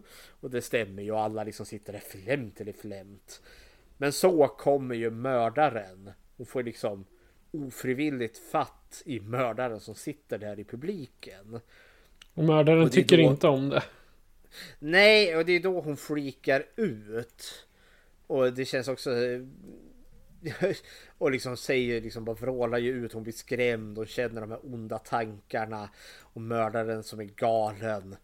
Och då blir ju mördaren lite nervös och avlägsnar sig därifrån och det är ju därför mördaren tar livet av henne sen. För mördaren är ju lite rädd att hens identitet ska avslöjas. Ja, plus att hon är en sexgalning ja, det framgår väl inte riktigt i den här liksom sexbiten i den här är lite svalnad utan här är det mest vad, vad är det han säger ju att mördaren är skiz, nej, paranoid schizofren som eh, går från att vara normal, alltså som vem som helst eh, för att liksom sen bara skifta över från som Dr. Jekyll till Mr. Hyde till liksom något mordiskt raseri som de finner extas i. ja, exakt. Ja, men det var där. Det, det, är samma som i de andra filmerna. Alltså att eh, det är alltid någonting med sex det har att göra. Här har det åtminstone, åtminstone att göra att mördaren går in i något form av extastillstånd. Som att liksom mord, eh, liksom uppbyggnaden till mordet kanske inte direkt äggar alltså sexuellt på mördaren men det finns liksom en aspekt av att mördaren blir liksom livar upp, liksom får liksom en spritt utav energi där. Sen om det framgår i kåthet, det eh, låter saker och ting vara osagt här. Nej men Helga, alltså det är, det, det är en rolig plattpunkt att det är det här som drar igång alltihopa. Och något jag ska gilla, för nu såg jag den här på originalspråk ändå. Eh, och eh, allt är ju dubbat såklart. Men just Helga är från Tyskland och innan hon blev mördad sitter hon ju och pratar i telefon och då pratar hon också tyska. Vilket jag uppskattade. Till och med liksom, de översatte faktiskt inte. Jag fick ingen subtitle då så jag har ingen aning om vad Helga sa. Men jag uppskattar, det, det är ett drag jag genuint gillar i en film. Att istället för att ha liksom Ja men eh, säg om det är en amerikansk film och så ska du ha tyskar med i filmen så har du liksom en en eh, vad heter det amerikanska med en tysk brytning eller liksom ryska med eller amerikanska med en rysk brytning och så vidare. Och så vidare. Eh, för att liksom signalera att ja men nu pratar de tyska eller ryska. Men det är engelska. Eh, då uppskattar jag det så mycket mer när de faktiskt pratar originalspråket. Hon är från Tyskland och hon pratar tyska. Och det är nice ändå. Sen möter ju Helga liksom ett herrejösses våldsamt öde. Ja, definitivt. För det är också en del liksom hur jävla groteska morden är. De är inte så många men god damn när de väl är då händer de rejält. Så Helga hon bara inte dör utan hon dör jättehårt stackarn.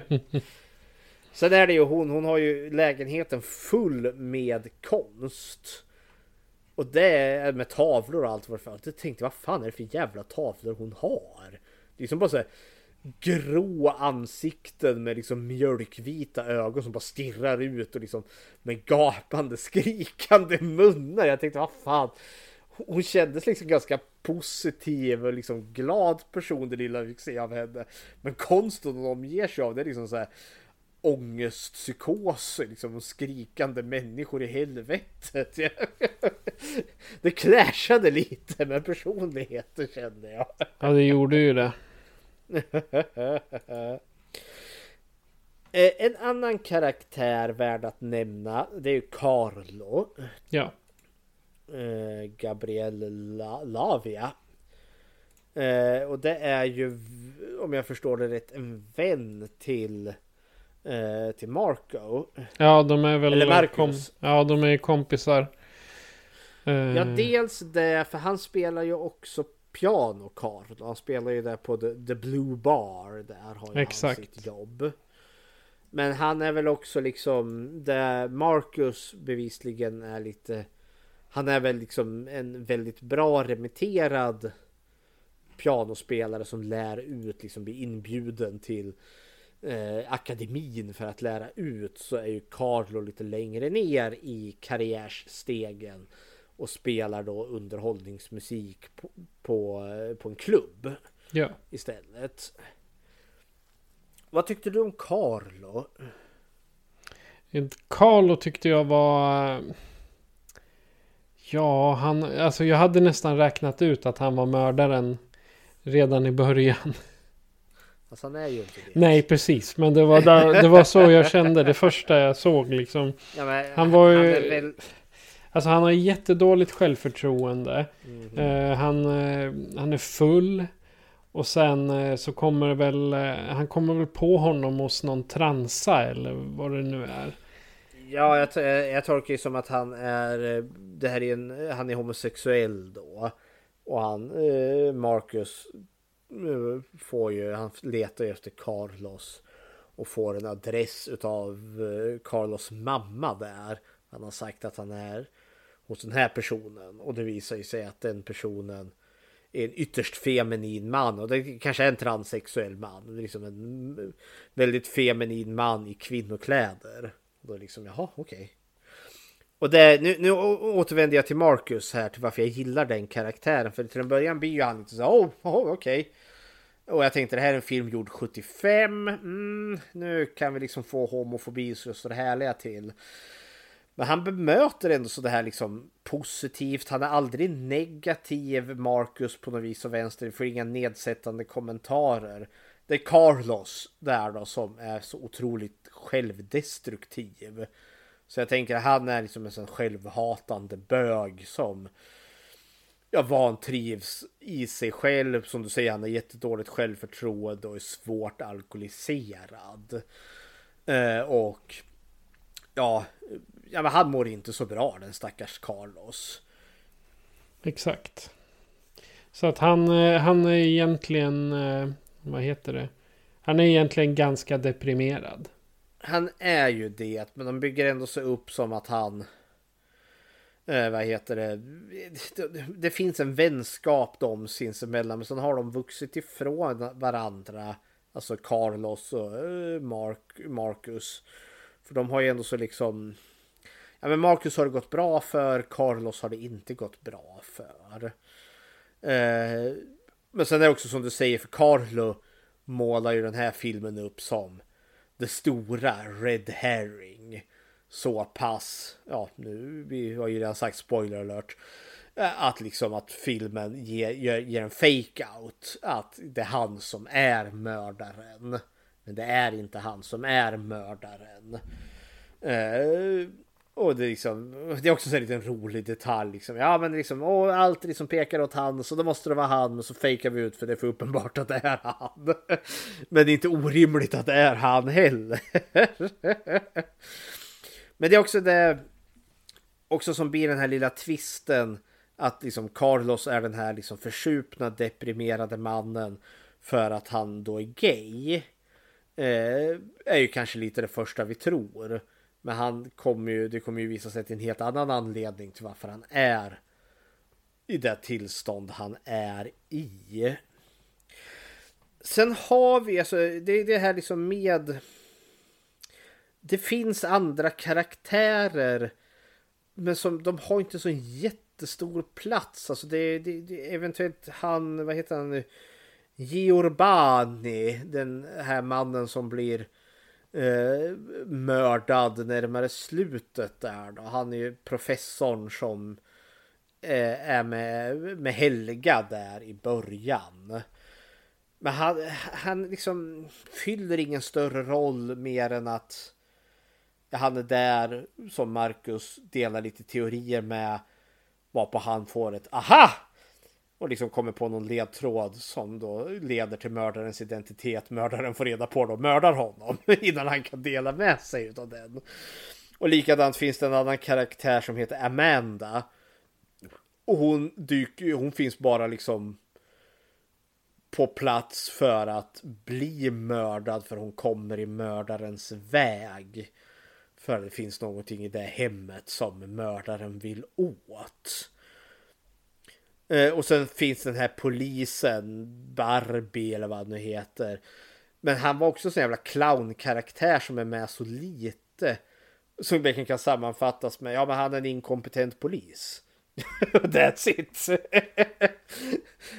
så jag känner liksom att om du inte har någon karaktär som du känner att du vill shout-outa mer än att ja, vi, en karaktär som vi har undvikit här lite som kommer att dyka upp sen under hotet. Eh, är det någon annan karaktär? Nej, jag tycker alltså de andra karaktärerna som är med, det är mera mm, kanonmat.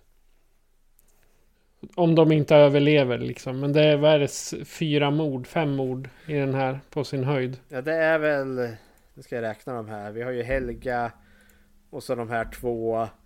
Och sen Flashback-mordet. Fyra mord. Och sen har vi lite två personer till som dör av andra happenstance. Men vi har fyra mord och sen två dödsfall till i den här filmen. Så det, det är ju inte direkt en sån här film som bygger på sitt body count som en fredagen den 13. Men de mord som är, typ mordet på Helga och mordet på, vad heter hon nu? Eh, Amanda och mordet på Griobani. De sticker ut för det är liksom utdragna mord med rejäl uppbyggnad till dem. Exakt. Det är inte det här liksom jag vänder mig om och där står Michael Myers och liksom trycker kniven i bröstet på mig och så var det slut. Den här mördaren drar ut på dödstillfällena. Ska vi gå in på platsen eller platserna? Ja, jag tycker det är rätt så många platser vi pratar om här nu. Det är ju lite här och var. Ja, och jag tänker liksom istället för att liksom kanske fokusera in på en plats. För den är ju utspridd helt klart. Det är ju inte som vi befinner oss i majoriteten vid Camp Crystal Lake eller något sånt där. Men jag tycker liksom vi, vi rör oss. Jag, jag, gör liksom en samling här att vi, vi är i en stadsmiljö. Uh, vi är mitt inne i staden, betongdjungel väldigt mycket. Men det är väldigt mycket konst. Uh, jag tänker säga att den här filmen är jävligt visuellt snygg. För da ja, för Dario Argento har verkligen ansträngt sig med att hitta så här ja, men vackra platser. Som exempelvis det här teatern som Helga har sin seans på. För det är verkligen sån här röd sidenteater med så här guldbroderingar på de här balkongerna och det är liksom sån detaljrikedom och han väljer också att filma i så här roliga vinklar så liksom att vi ser hela den här fantastiska eh, teatern. Eller som eh, ja, första mordet där med Helga eh, i hennes lägenhet full med den här konstiga konsten och de här liksom plågade ansiktena. Men vi har ju också liksom annan konst. Hon har ju något märkligt konstverk som det känns som att det sitter neon bakom. Det ser ut som ett träd som står på hennes på hennes skrivbord eller fäst på väggen och det bara lyser upp någon blå neonfärg som formar liksom ett träd. Eh, eller när Marcus pratar med, med den jätteberusade, vad heter han, Carlos där.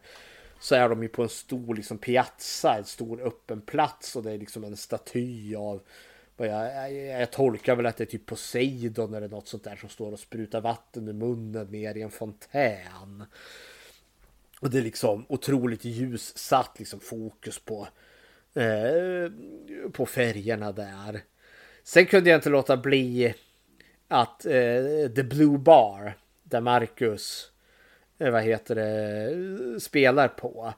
Det är så uppenbart, det, det, vad heter den, The Nighthawk.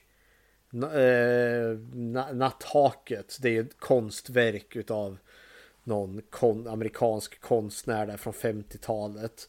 Det kändes verkligen som en kopia utav den fast då i eh, eh, i filmformat där då istället.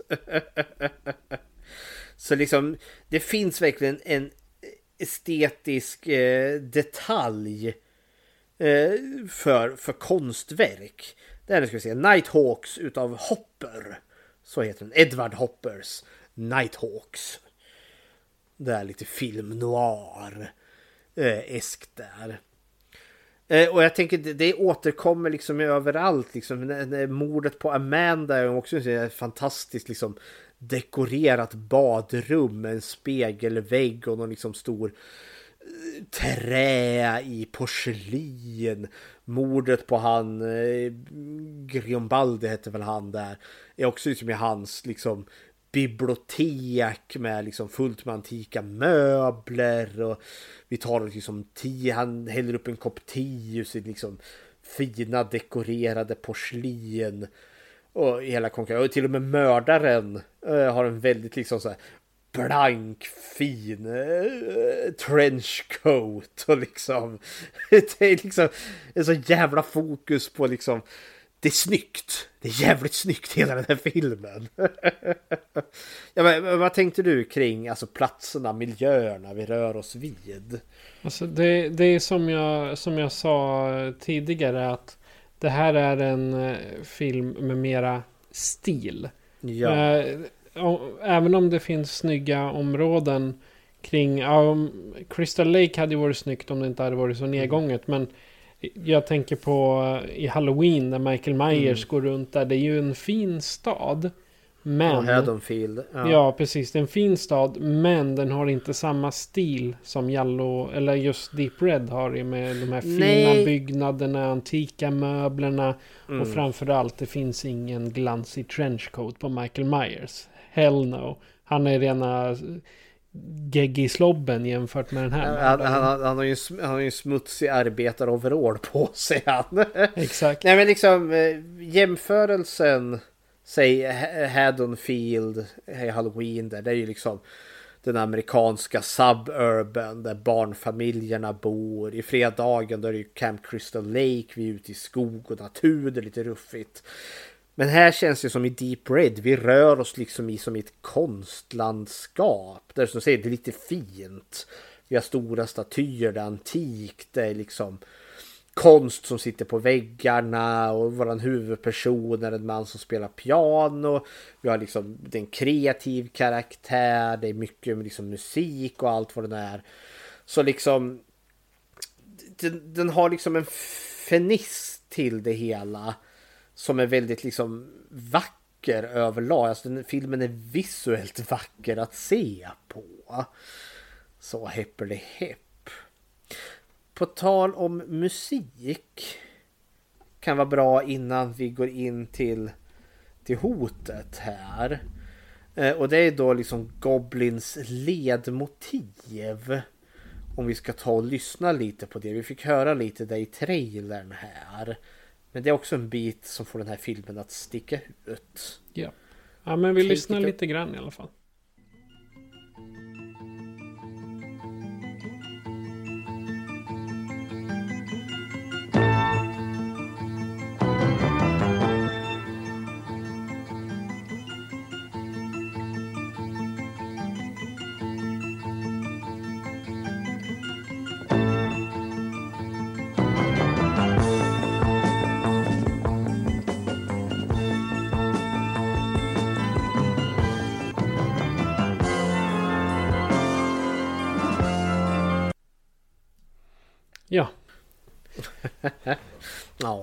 Jag ville höra mera. Ja, men det kan jag inte.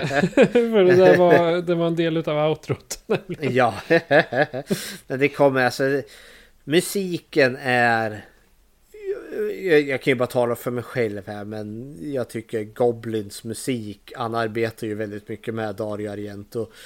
Men det är magiskt i sig. Ja. Eh, och ljudsättningen i den här filmen är också väldigt bra överlag. Eh, så ja, hepp. Vad, vad, tycker du om eh, Goblins eh, ledmotiv till Deep Red här? Jag tycker den är awesome. så är det. det. Det är det enda jag kan säga. Det är en av de bättre sound, soundtracken som jag vet. Mm -hmm. Egentligen. Ja, kära. Ja, men en utav ja, får filmen att sticka ut helt klart. Definitivt ja. Det är ju ja, så. Det... Nu ska vi se. Då har vi vår sista punkt kvar här då. Hotet. Jaha, det... mördaren, den som är Jallo-mördaren i den här filmen. Och det ska jag villigt erkänna, för det, det är alltså det är en sån här i de här filmerna. Det är ju lite så här pusseldeckare. Eh, Du kan väl berätta vad det är vi hör? Den här är ju återkommande för mördarens eh, ja, motiv egentligen. Det här blir återkommande varje gång mördaren ska eh, träda i kraft och eh, tenderar den här barnmelodin dyka upp flera gånger för mördaren har den på eh, ljudkassett som den spelar upp. Och vi förstår liksom att det är en trigger eh, för mördaren för att liksom trigga upp sig själv. Eh, och det är rysligt effektivt. Det jag skulle komma till eh, eh, är ju liksom med en mördare i en jallo så bygger det ju här liksom som en Agatha Christie eh, deckare att det är en who done it. Vem är mördaren? Och det finns alltid ledtrådar i de här så att du ska kunna pussla ut. Ibland är de lite mer kryptiska än andra. Och jag ska villigt erkänna att när jag såg den här första gången så plockade jag inte vem mördaren var. Men det är så otroligt tillfredsställande när vi faktiskt får svaret. För vi har redan fått sett mördaren i filmens öppningsmord. Det är den här tavlan som Marcus pratar om som visar sig inte vara en tavla utan det visar sig vara en spegel. För han pratar ju om att en, en tavla har försvunnit. Det är en tavla som är borta, det är jättekonstigt. Men så när han går tillbaka och inser att det inte alls är en tavla han har sett utan det är spegel. Som då har speglat tavlan som står mitt emot den. Och just där och då när han gick förbi stod mördaren där. Vars ansikte speglades in i spegeln. Så det han har trott har varit en tavla har varit mördarens reflektion. Och det är därför han tror liksom att något har försvunnit när han har kommit tillbaka. För då har ju mördaren försvunnit. Och det är det som är så briljant. För vi får faktiskt se mördaren. Och vet man vart man ska titta. Ja, då har vi mördarens identitet redan i filmens början. Men det visste ju inte jag när jag såg den här första gången. Nej, inte jag heller. Nu var det ju ganska självklart när man såg den för andra gången. Ja. Men, men ändå, jag tycker det är, det är briljant idé det där. Ja. Att eh, så länge du inte... För det är ju liksom blunda så missar du det. Ja, det är ganska snabbt ändå. Det är ju inte som att filmen spenderar jättemycket tid att där ska du titta. Nej. Titta där nu. Mm. Vart då någonstans? Ja. Eh, och sen hör det också till att mördaren är ju alltså bleksminkad i ansiktet. För de här bleka ansiktena överlag. Det är en del i mördarens psykos. När, när mördaren går in i kill mode så sminkar sig mördaren vit i ansiktet eller blek med jättesvart runt ögonen. Jaha, vem är det som är mördaren i den här filmen då? Ja, problemet är att jag ser alla namnen men jag kommer inte ihåg vilket av dem det är. Mördaren får faktiskt aldrig ett namn i den här. Nej. Men det, det är ju Carlos mamma som Ja. är mördaren. Så- Våran eh, Carlos, våran försupne homosexuella tragiska man. Det är hans mamma som är orsaken till allt lidande i den här filmen. Och Skådespelaren som heter Clara Kalamaj. Ja, som vart 99 år gammal. Det tyckte Nej, jag var åt- awesome. 89. 89 Ja, vart förlåt. 89 vart hon. Jag Men det är, det är li, lik förbannat så Ja, är det gammalt. det är gammalt. Född 1909 och så dog hon 1998 där. Nej, men hon är den, hon är mördaren och hon eh, hon får verkligen inget namn. Carlos mamma heter hon på Ja. IMDB. Men eh, och hon hon frammålas ju liksom innan då som en riktigt så quirky karaktär. För Marcus eh, dyker ju upp, knackar liksom, han ska ju träffa Carlos och så är det hon där. Och liksom, åh jag hörde att du är en ingenjör, har hon fått för sig. Han, nej, nej, nej, jag är pianist. Och sen liksom upp, hon upprepar det hela tiden. Åh, ingenjören! Ah, liksom målar upp henne liksom som en liksom sån flummig liksom kulturtant. Ja, alltså jag eh. såg bara min mormor i henne. Ja. För min mormor eh. hade en tendens till att, ja men du är ingenjör. Sen bara, nej jag är pianist. Ah, ja. och sen eh, var det liksom, hette det att man var ingenjör ett tag. Sen bara, ja men just det, du är pianist. Så mm -hmm. Men eh, de har liksom byggt upp henne som att det är sån här otroligt överdriven, liksom social, alltså så en jobbigt social karaktär. För det är liksom så här, jaha, du ville träffa min son, men han är inte här. Men kom in så får du fika med mig. Vill du ha kaffe? Och vill du ha en rom istället? Nej, men så tog jag tog fram en Coca-Cola. och liksom, och man vill liksom bara backa ut ur rummet för liksom, ah, nej, för att liksom, det blir jobbigt liksom. Att liksom ha någon form av social kontakt med den här människan. För hon är så överdrivet glad men också vimsig. Det känns liksom som att ja, men liksom den människa med huvudet uppe i, liksom bland molnen. Men hon är en sån här wannabe soci societetstant. Ja. Med tanke på hur hon liksom, klär sig också. Ja, ja hon klär sig väldigt liksom. Det känns som att hon, hon har koll på vad modet är. Liksom. vad en 60-årig kvinna ska ha på sig där på 70-talets Italien. Det, då, det, det, har hon på sig.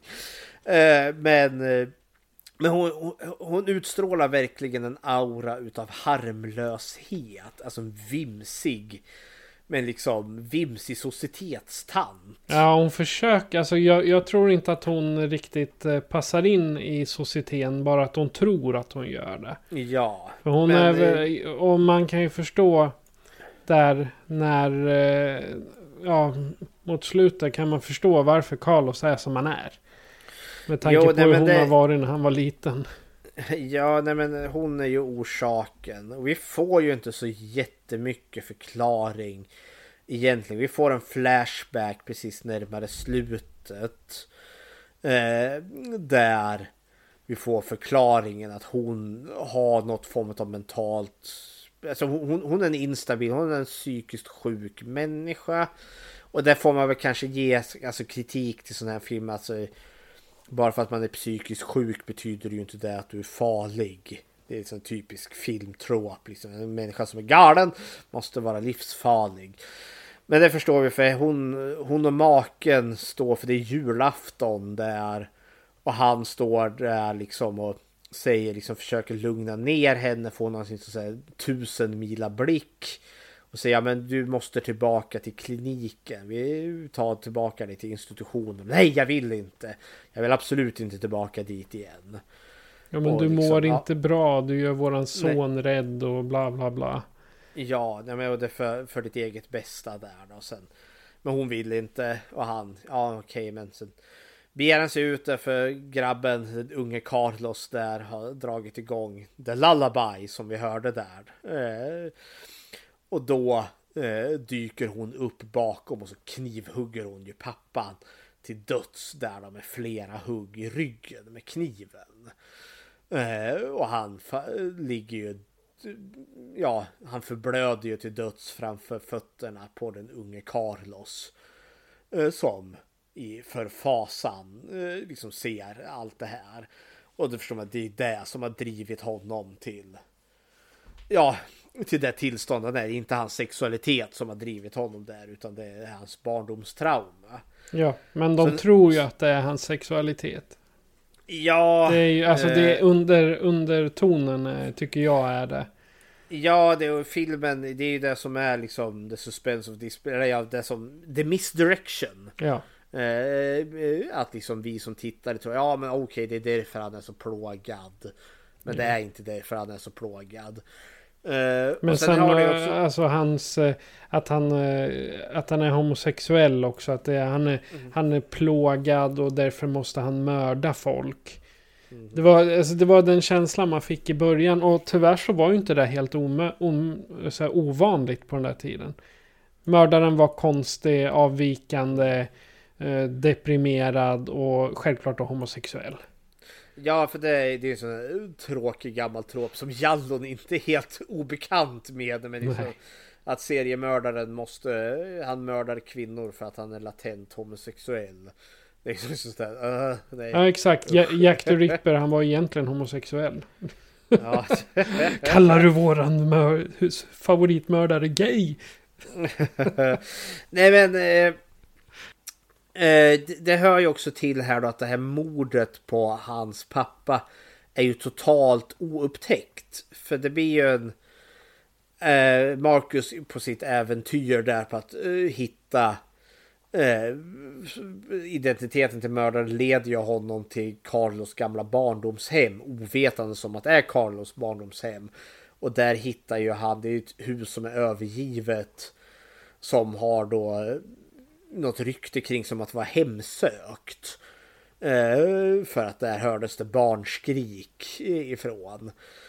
Men där hittar han, han hittar ju en vägg, han, eller han hittar ett rum som är igenmurat tack vare eh, att han ser att eh, det, det, ett fönster som finns på ett gammalt foto finns inte kvar längre. Och det inser han att det har blivit igenmurat. Och där hittar han ju det här rummet med det ja, nu mumifierade liket i. Och där dyker det upp tillräckligt med ledtrådar då som leder till Carlos. En, eh, framförallt en eh, barnteckning eh, som han lyckas spåra rätt på. Som då är signerad av eh, Carlos som barn. Ja, en och det riktig är Norma, Norma Bates där. Ja, och det är då vi liksom tror att ja, det är Carlos som är mördaren. För nu alla ledtrådarna har lett dit.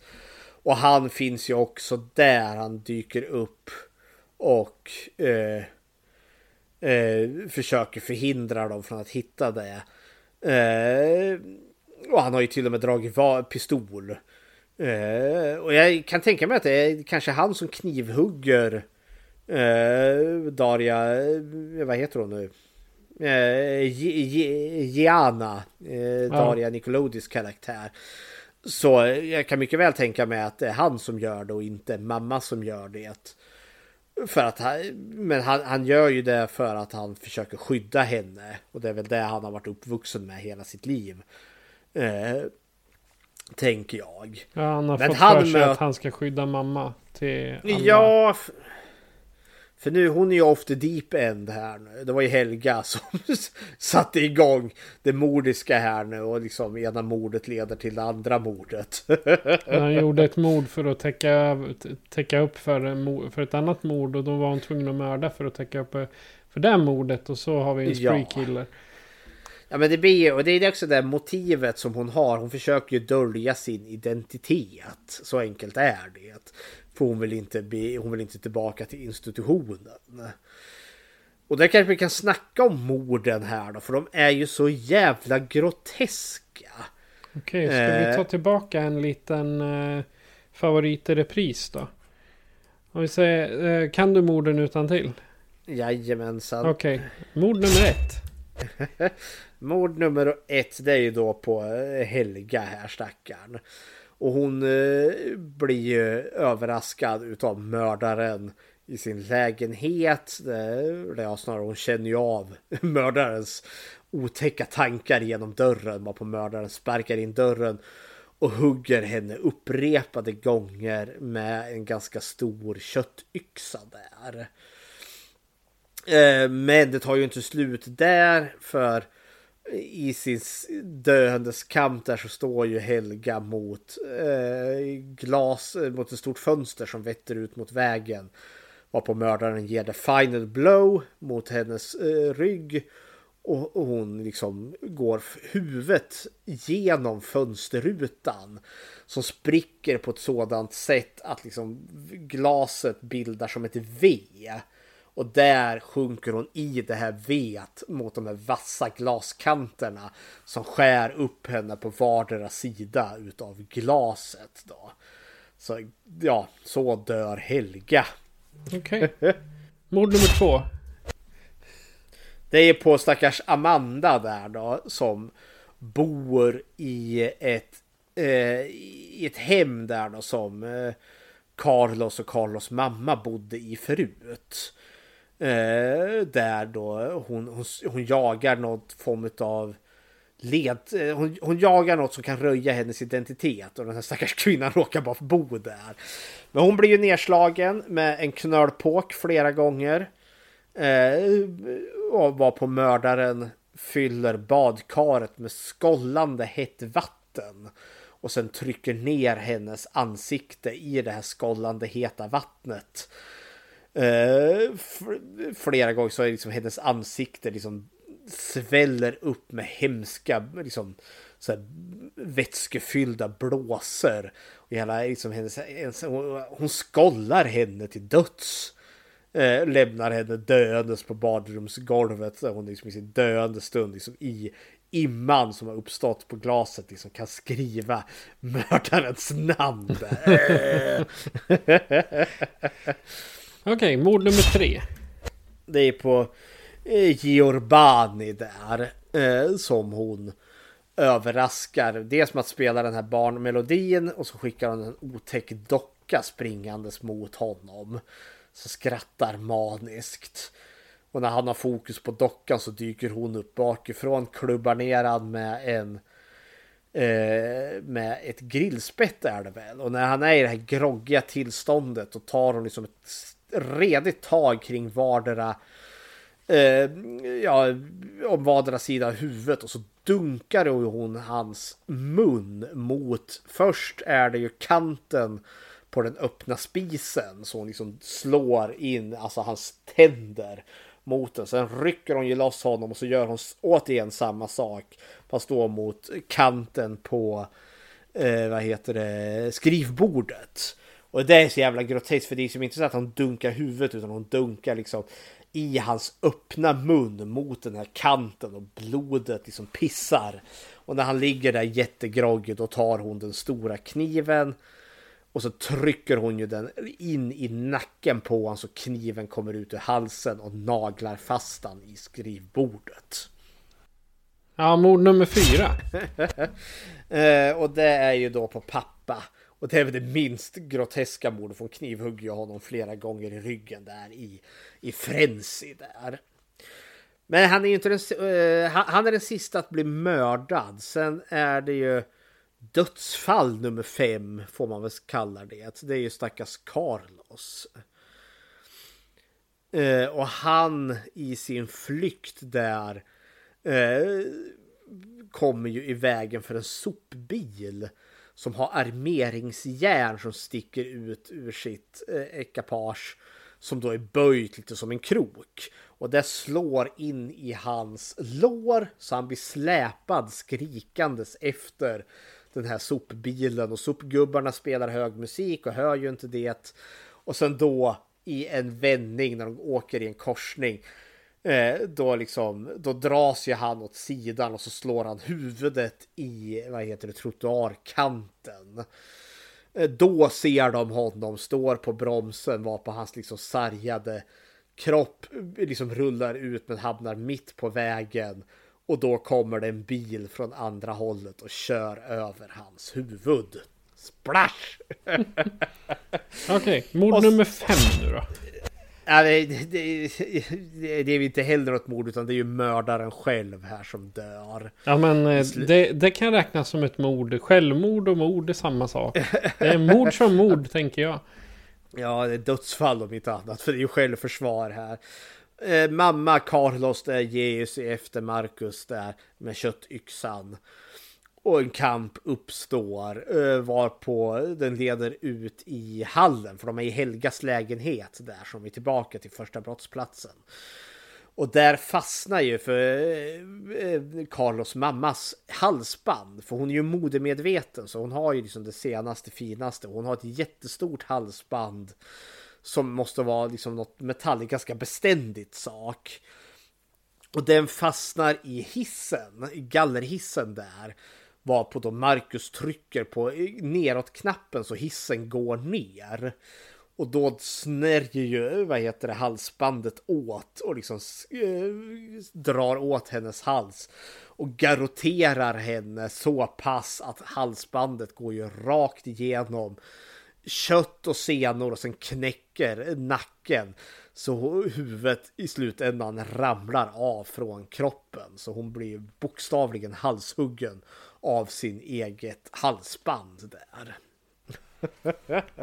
Det var ett riktigt murder train där alltså. Och, både för att det var eh, självmord och mord. Men det är ändå, ändå relativt eh, lite mord för att vara en, eh, en så kallad slasherfilm. Ja, det är det. Men varje mord sticker ut för de är jättegrafiska och liksom...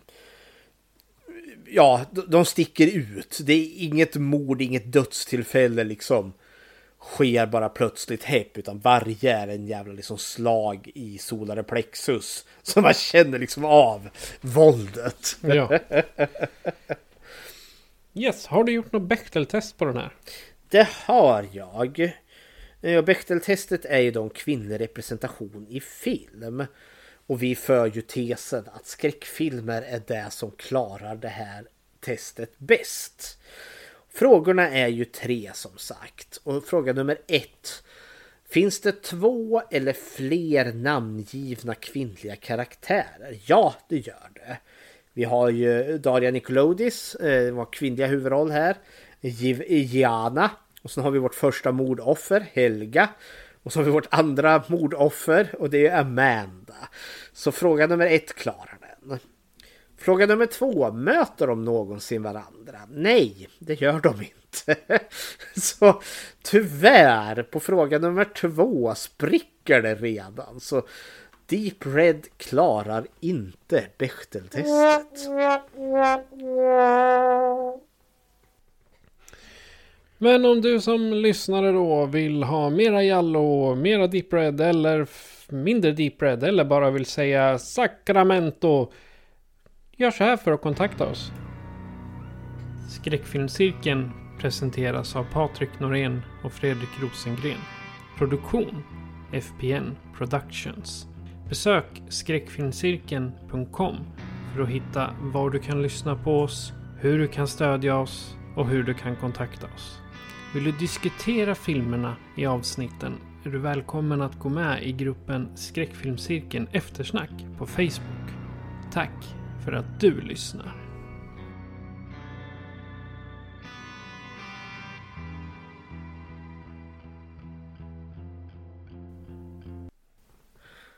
Så, vi måste väl ge vi måste väl ge ett slutord och betygsätta den här filmen. Ja, varsågod. Du kan få börja.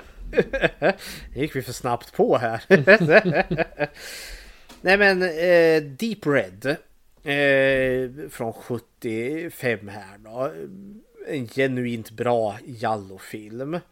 Eh, den är otroligt vacker eh, som sagt eh, och jävligt grotesk när den väl är det. Eh, har trivsamma karaktärer och som en lagom Eh, spännande pusselmysterium här. Dock så nämnde jag ju att jag har vissa gripes med den här filmen. Den är inte utan sina problem. Och det är att ja, den variation jag såg den är över två timmar lång. Och problemet jag har med den här det är lite i dess fart eller tempot den har. Marcus, eh, vad heter det, utredning. När han liksom börjar följa ledtrådar som leder honom till olika platser. Är lite för långsamt för min smak. Filmen blir haltande då tycker jag. Eh, även om det är väldigt vackra stilsamma platser. Men där tappar filmen mig lite. Även om vi har bra musik och allt det där. Men det blir lite så här, ah, get on with it. Men sen kommer ju stunderna när morden, tredje akten, liksom när allting nystas upp. Så det är värt det ändå när vi väl har kommit igenom alltihopa. Men den är lite för långsam på sina stunder. Den här hade kunnat kortats ner känner jag. Men som sagt, en väldigt, väldigt bra Jallo bland alla Jallo-filmer som finns. Mer på den seriösa sidan utav Jallo och inte de fånigare Jallo-filmerna som också finns. Men det här är en solid fyra utav fem för mig. En av de bättre Jallo-filmerna som har gjort och ett väldigt bra första testa på Jallo om du inte har sett en Jallo-film innan. Vad tycker du Patrik då? Slutord och betyg? Jag såg ju den kortare varianten av den här som bara var 1.45. Jag är inte helt säker på vad de hade klippt bort. Men det kändes som att det saknades en del dialog. För att eh, få igenom hela handlingen. För eh, äh, jag, det saknades något mot vad jag när jag såg den sist. Men eh, om man då vill ha en Jallo som det är lite speed i. Då ska du inte se den här. För det här är en långsam. Men när det väl händer så säger det bara boom, boom, boom med, eh, med själva eh, scenerna. Det, så det är inget fel, men det är långa dialoger. Det är liksom, det är ju en hodanit i stort sett hela. Så det är ju inte en maskerad mördare som går och hugger eh, nakna tonåringar. Liksom. Så funkar det inte, utan det här, här är det med stil. Du ser bara ett rakblad eller en kökskniv eller vad det nu är.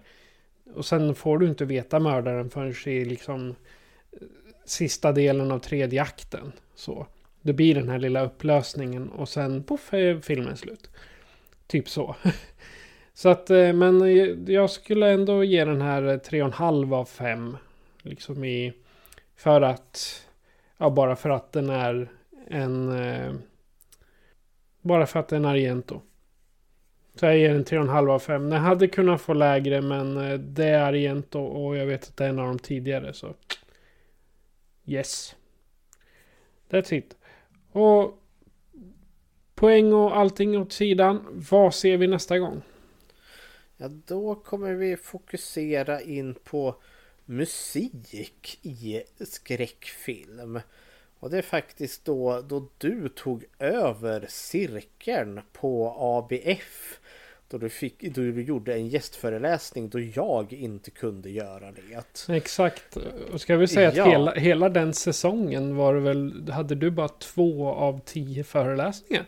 Jag hade det för jag nådde ett enormt, eh, ja, stökig period, eller stökig, jag hade jättemycket jobb. Så jag kunde liksom inte. jag hade inte tiden att förbereda. Men det var då cirkeldeltagarna tog över cirkeln. Ja, för du var liksom, du... ja, jag måste, alltså vi, vi får ställa in cirkeln i år. Nej, sa allihopa. Vilket du då förtjänstfullt inledde med. Och då var det då temat musik i skräckfilm. Och så tittade vi på ett avsnitt utav Nightmares and Dreamscapes. Ja. Så vi återvänder till gamla goda Stephen King här igen. Jajamän. Och det är faktiskt en, eh, en modern, eh, vad heter det, en modern stumfilm. Väl, väldigt modern. Jag tror inte det sägs ett enda ord. Det är lite grymtningar här och där. Men kan du... Nightmares and Dreamscapes. Kommer du ihåg vad, vad klippet heter? Nej, det kommer jag väl inte ihåg. The Toymaker eller något sånt där. Okay. vi lägger upp det, det på, vi, lägger, vi lägger upp det på, på Facebook när det blir aktuellt. Mm -hmm. Men då så. Tack för ikväll Fredrik och eh, vi har väl inte så mycket mer kvar att säga än att eh, jag heter Patrik. Och jag heter Fredrik. Du har lyssnat på Skräckfilmscirkeln. Adjö på er. Adjöken.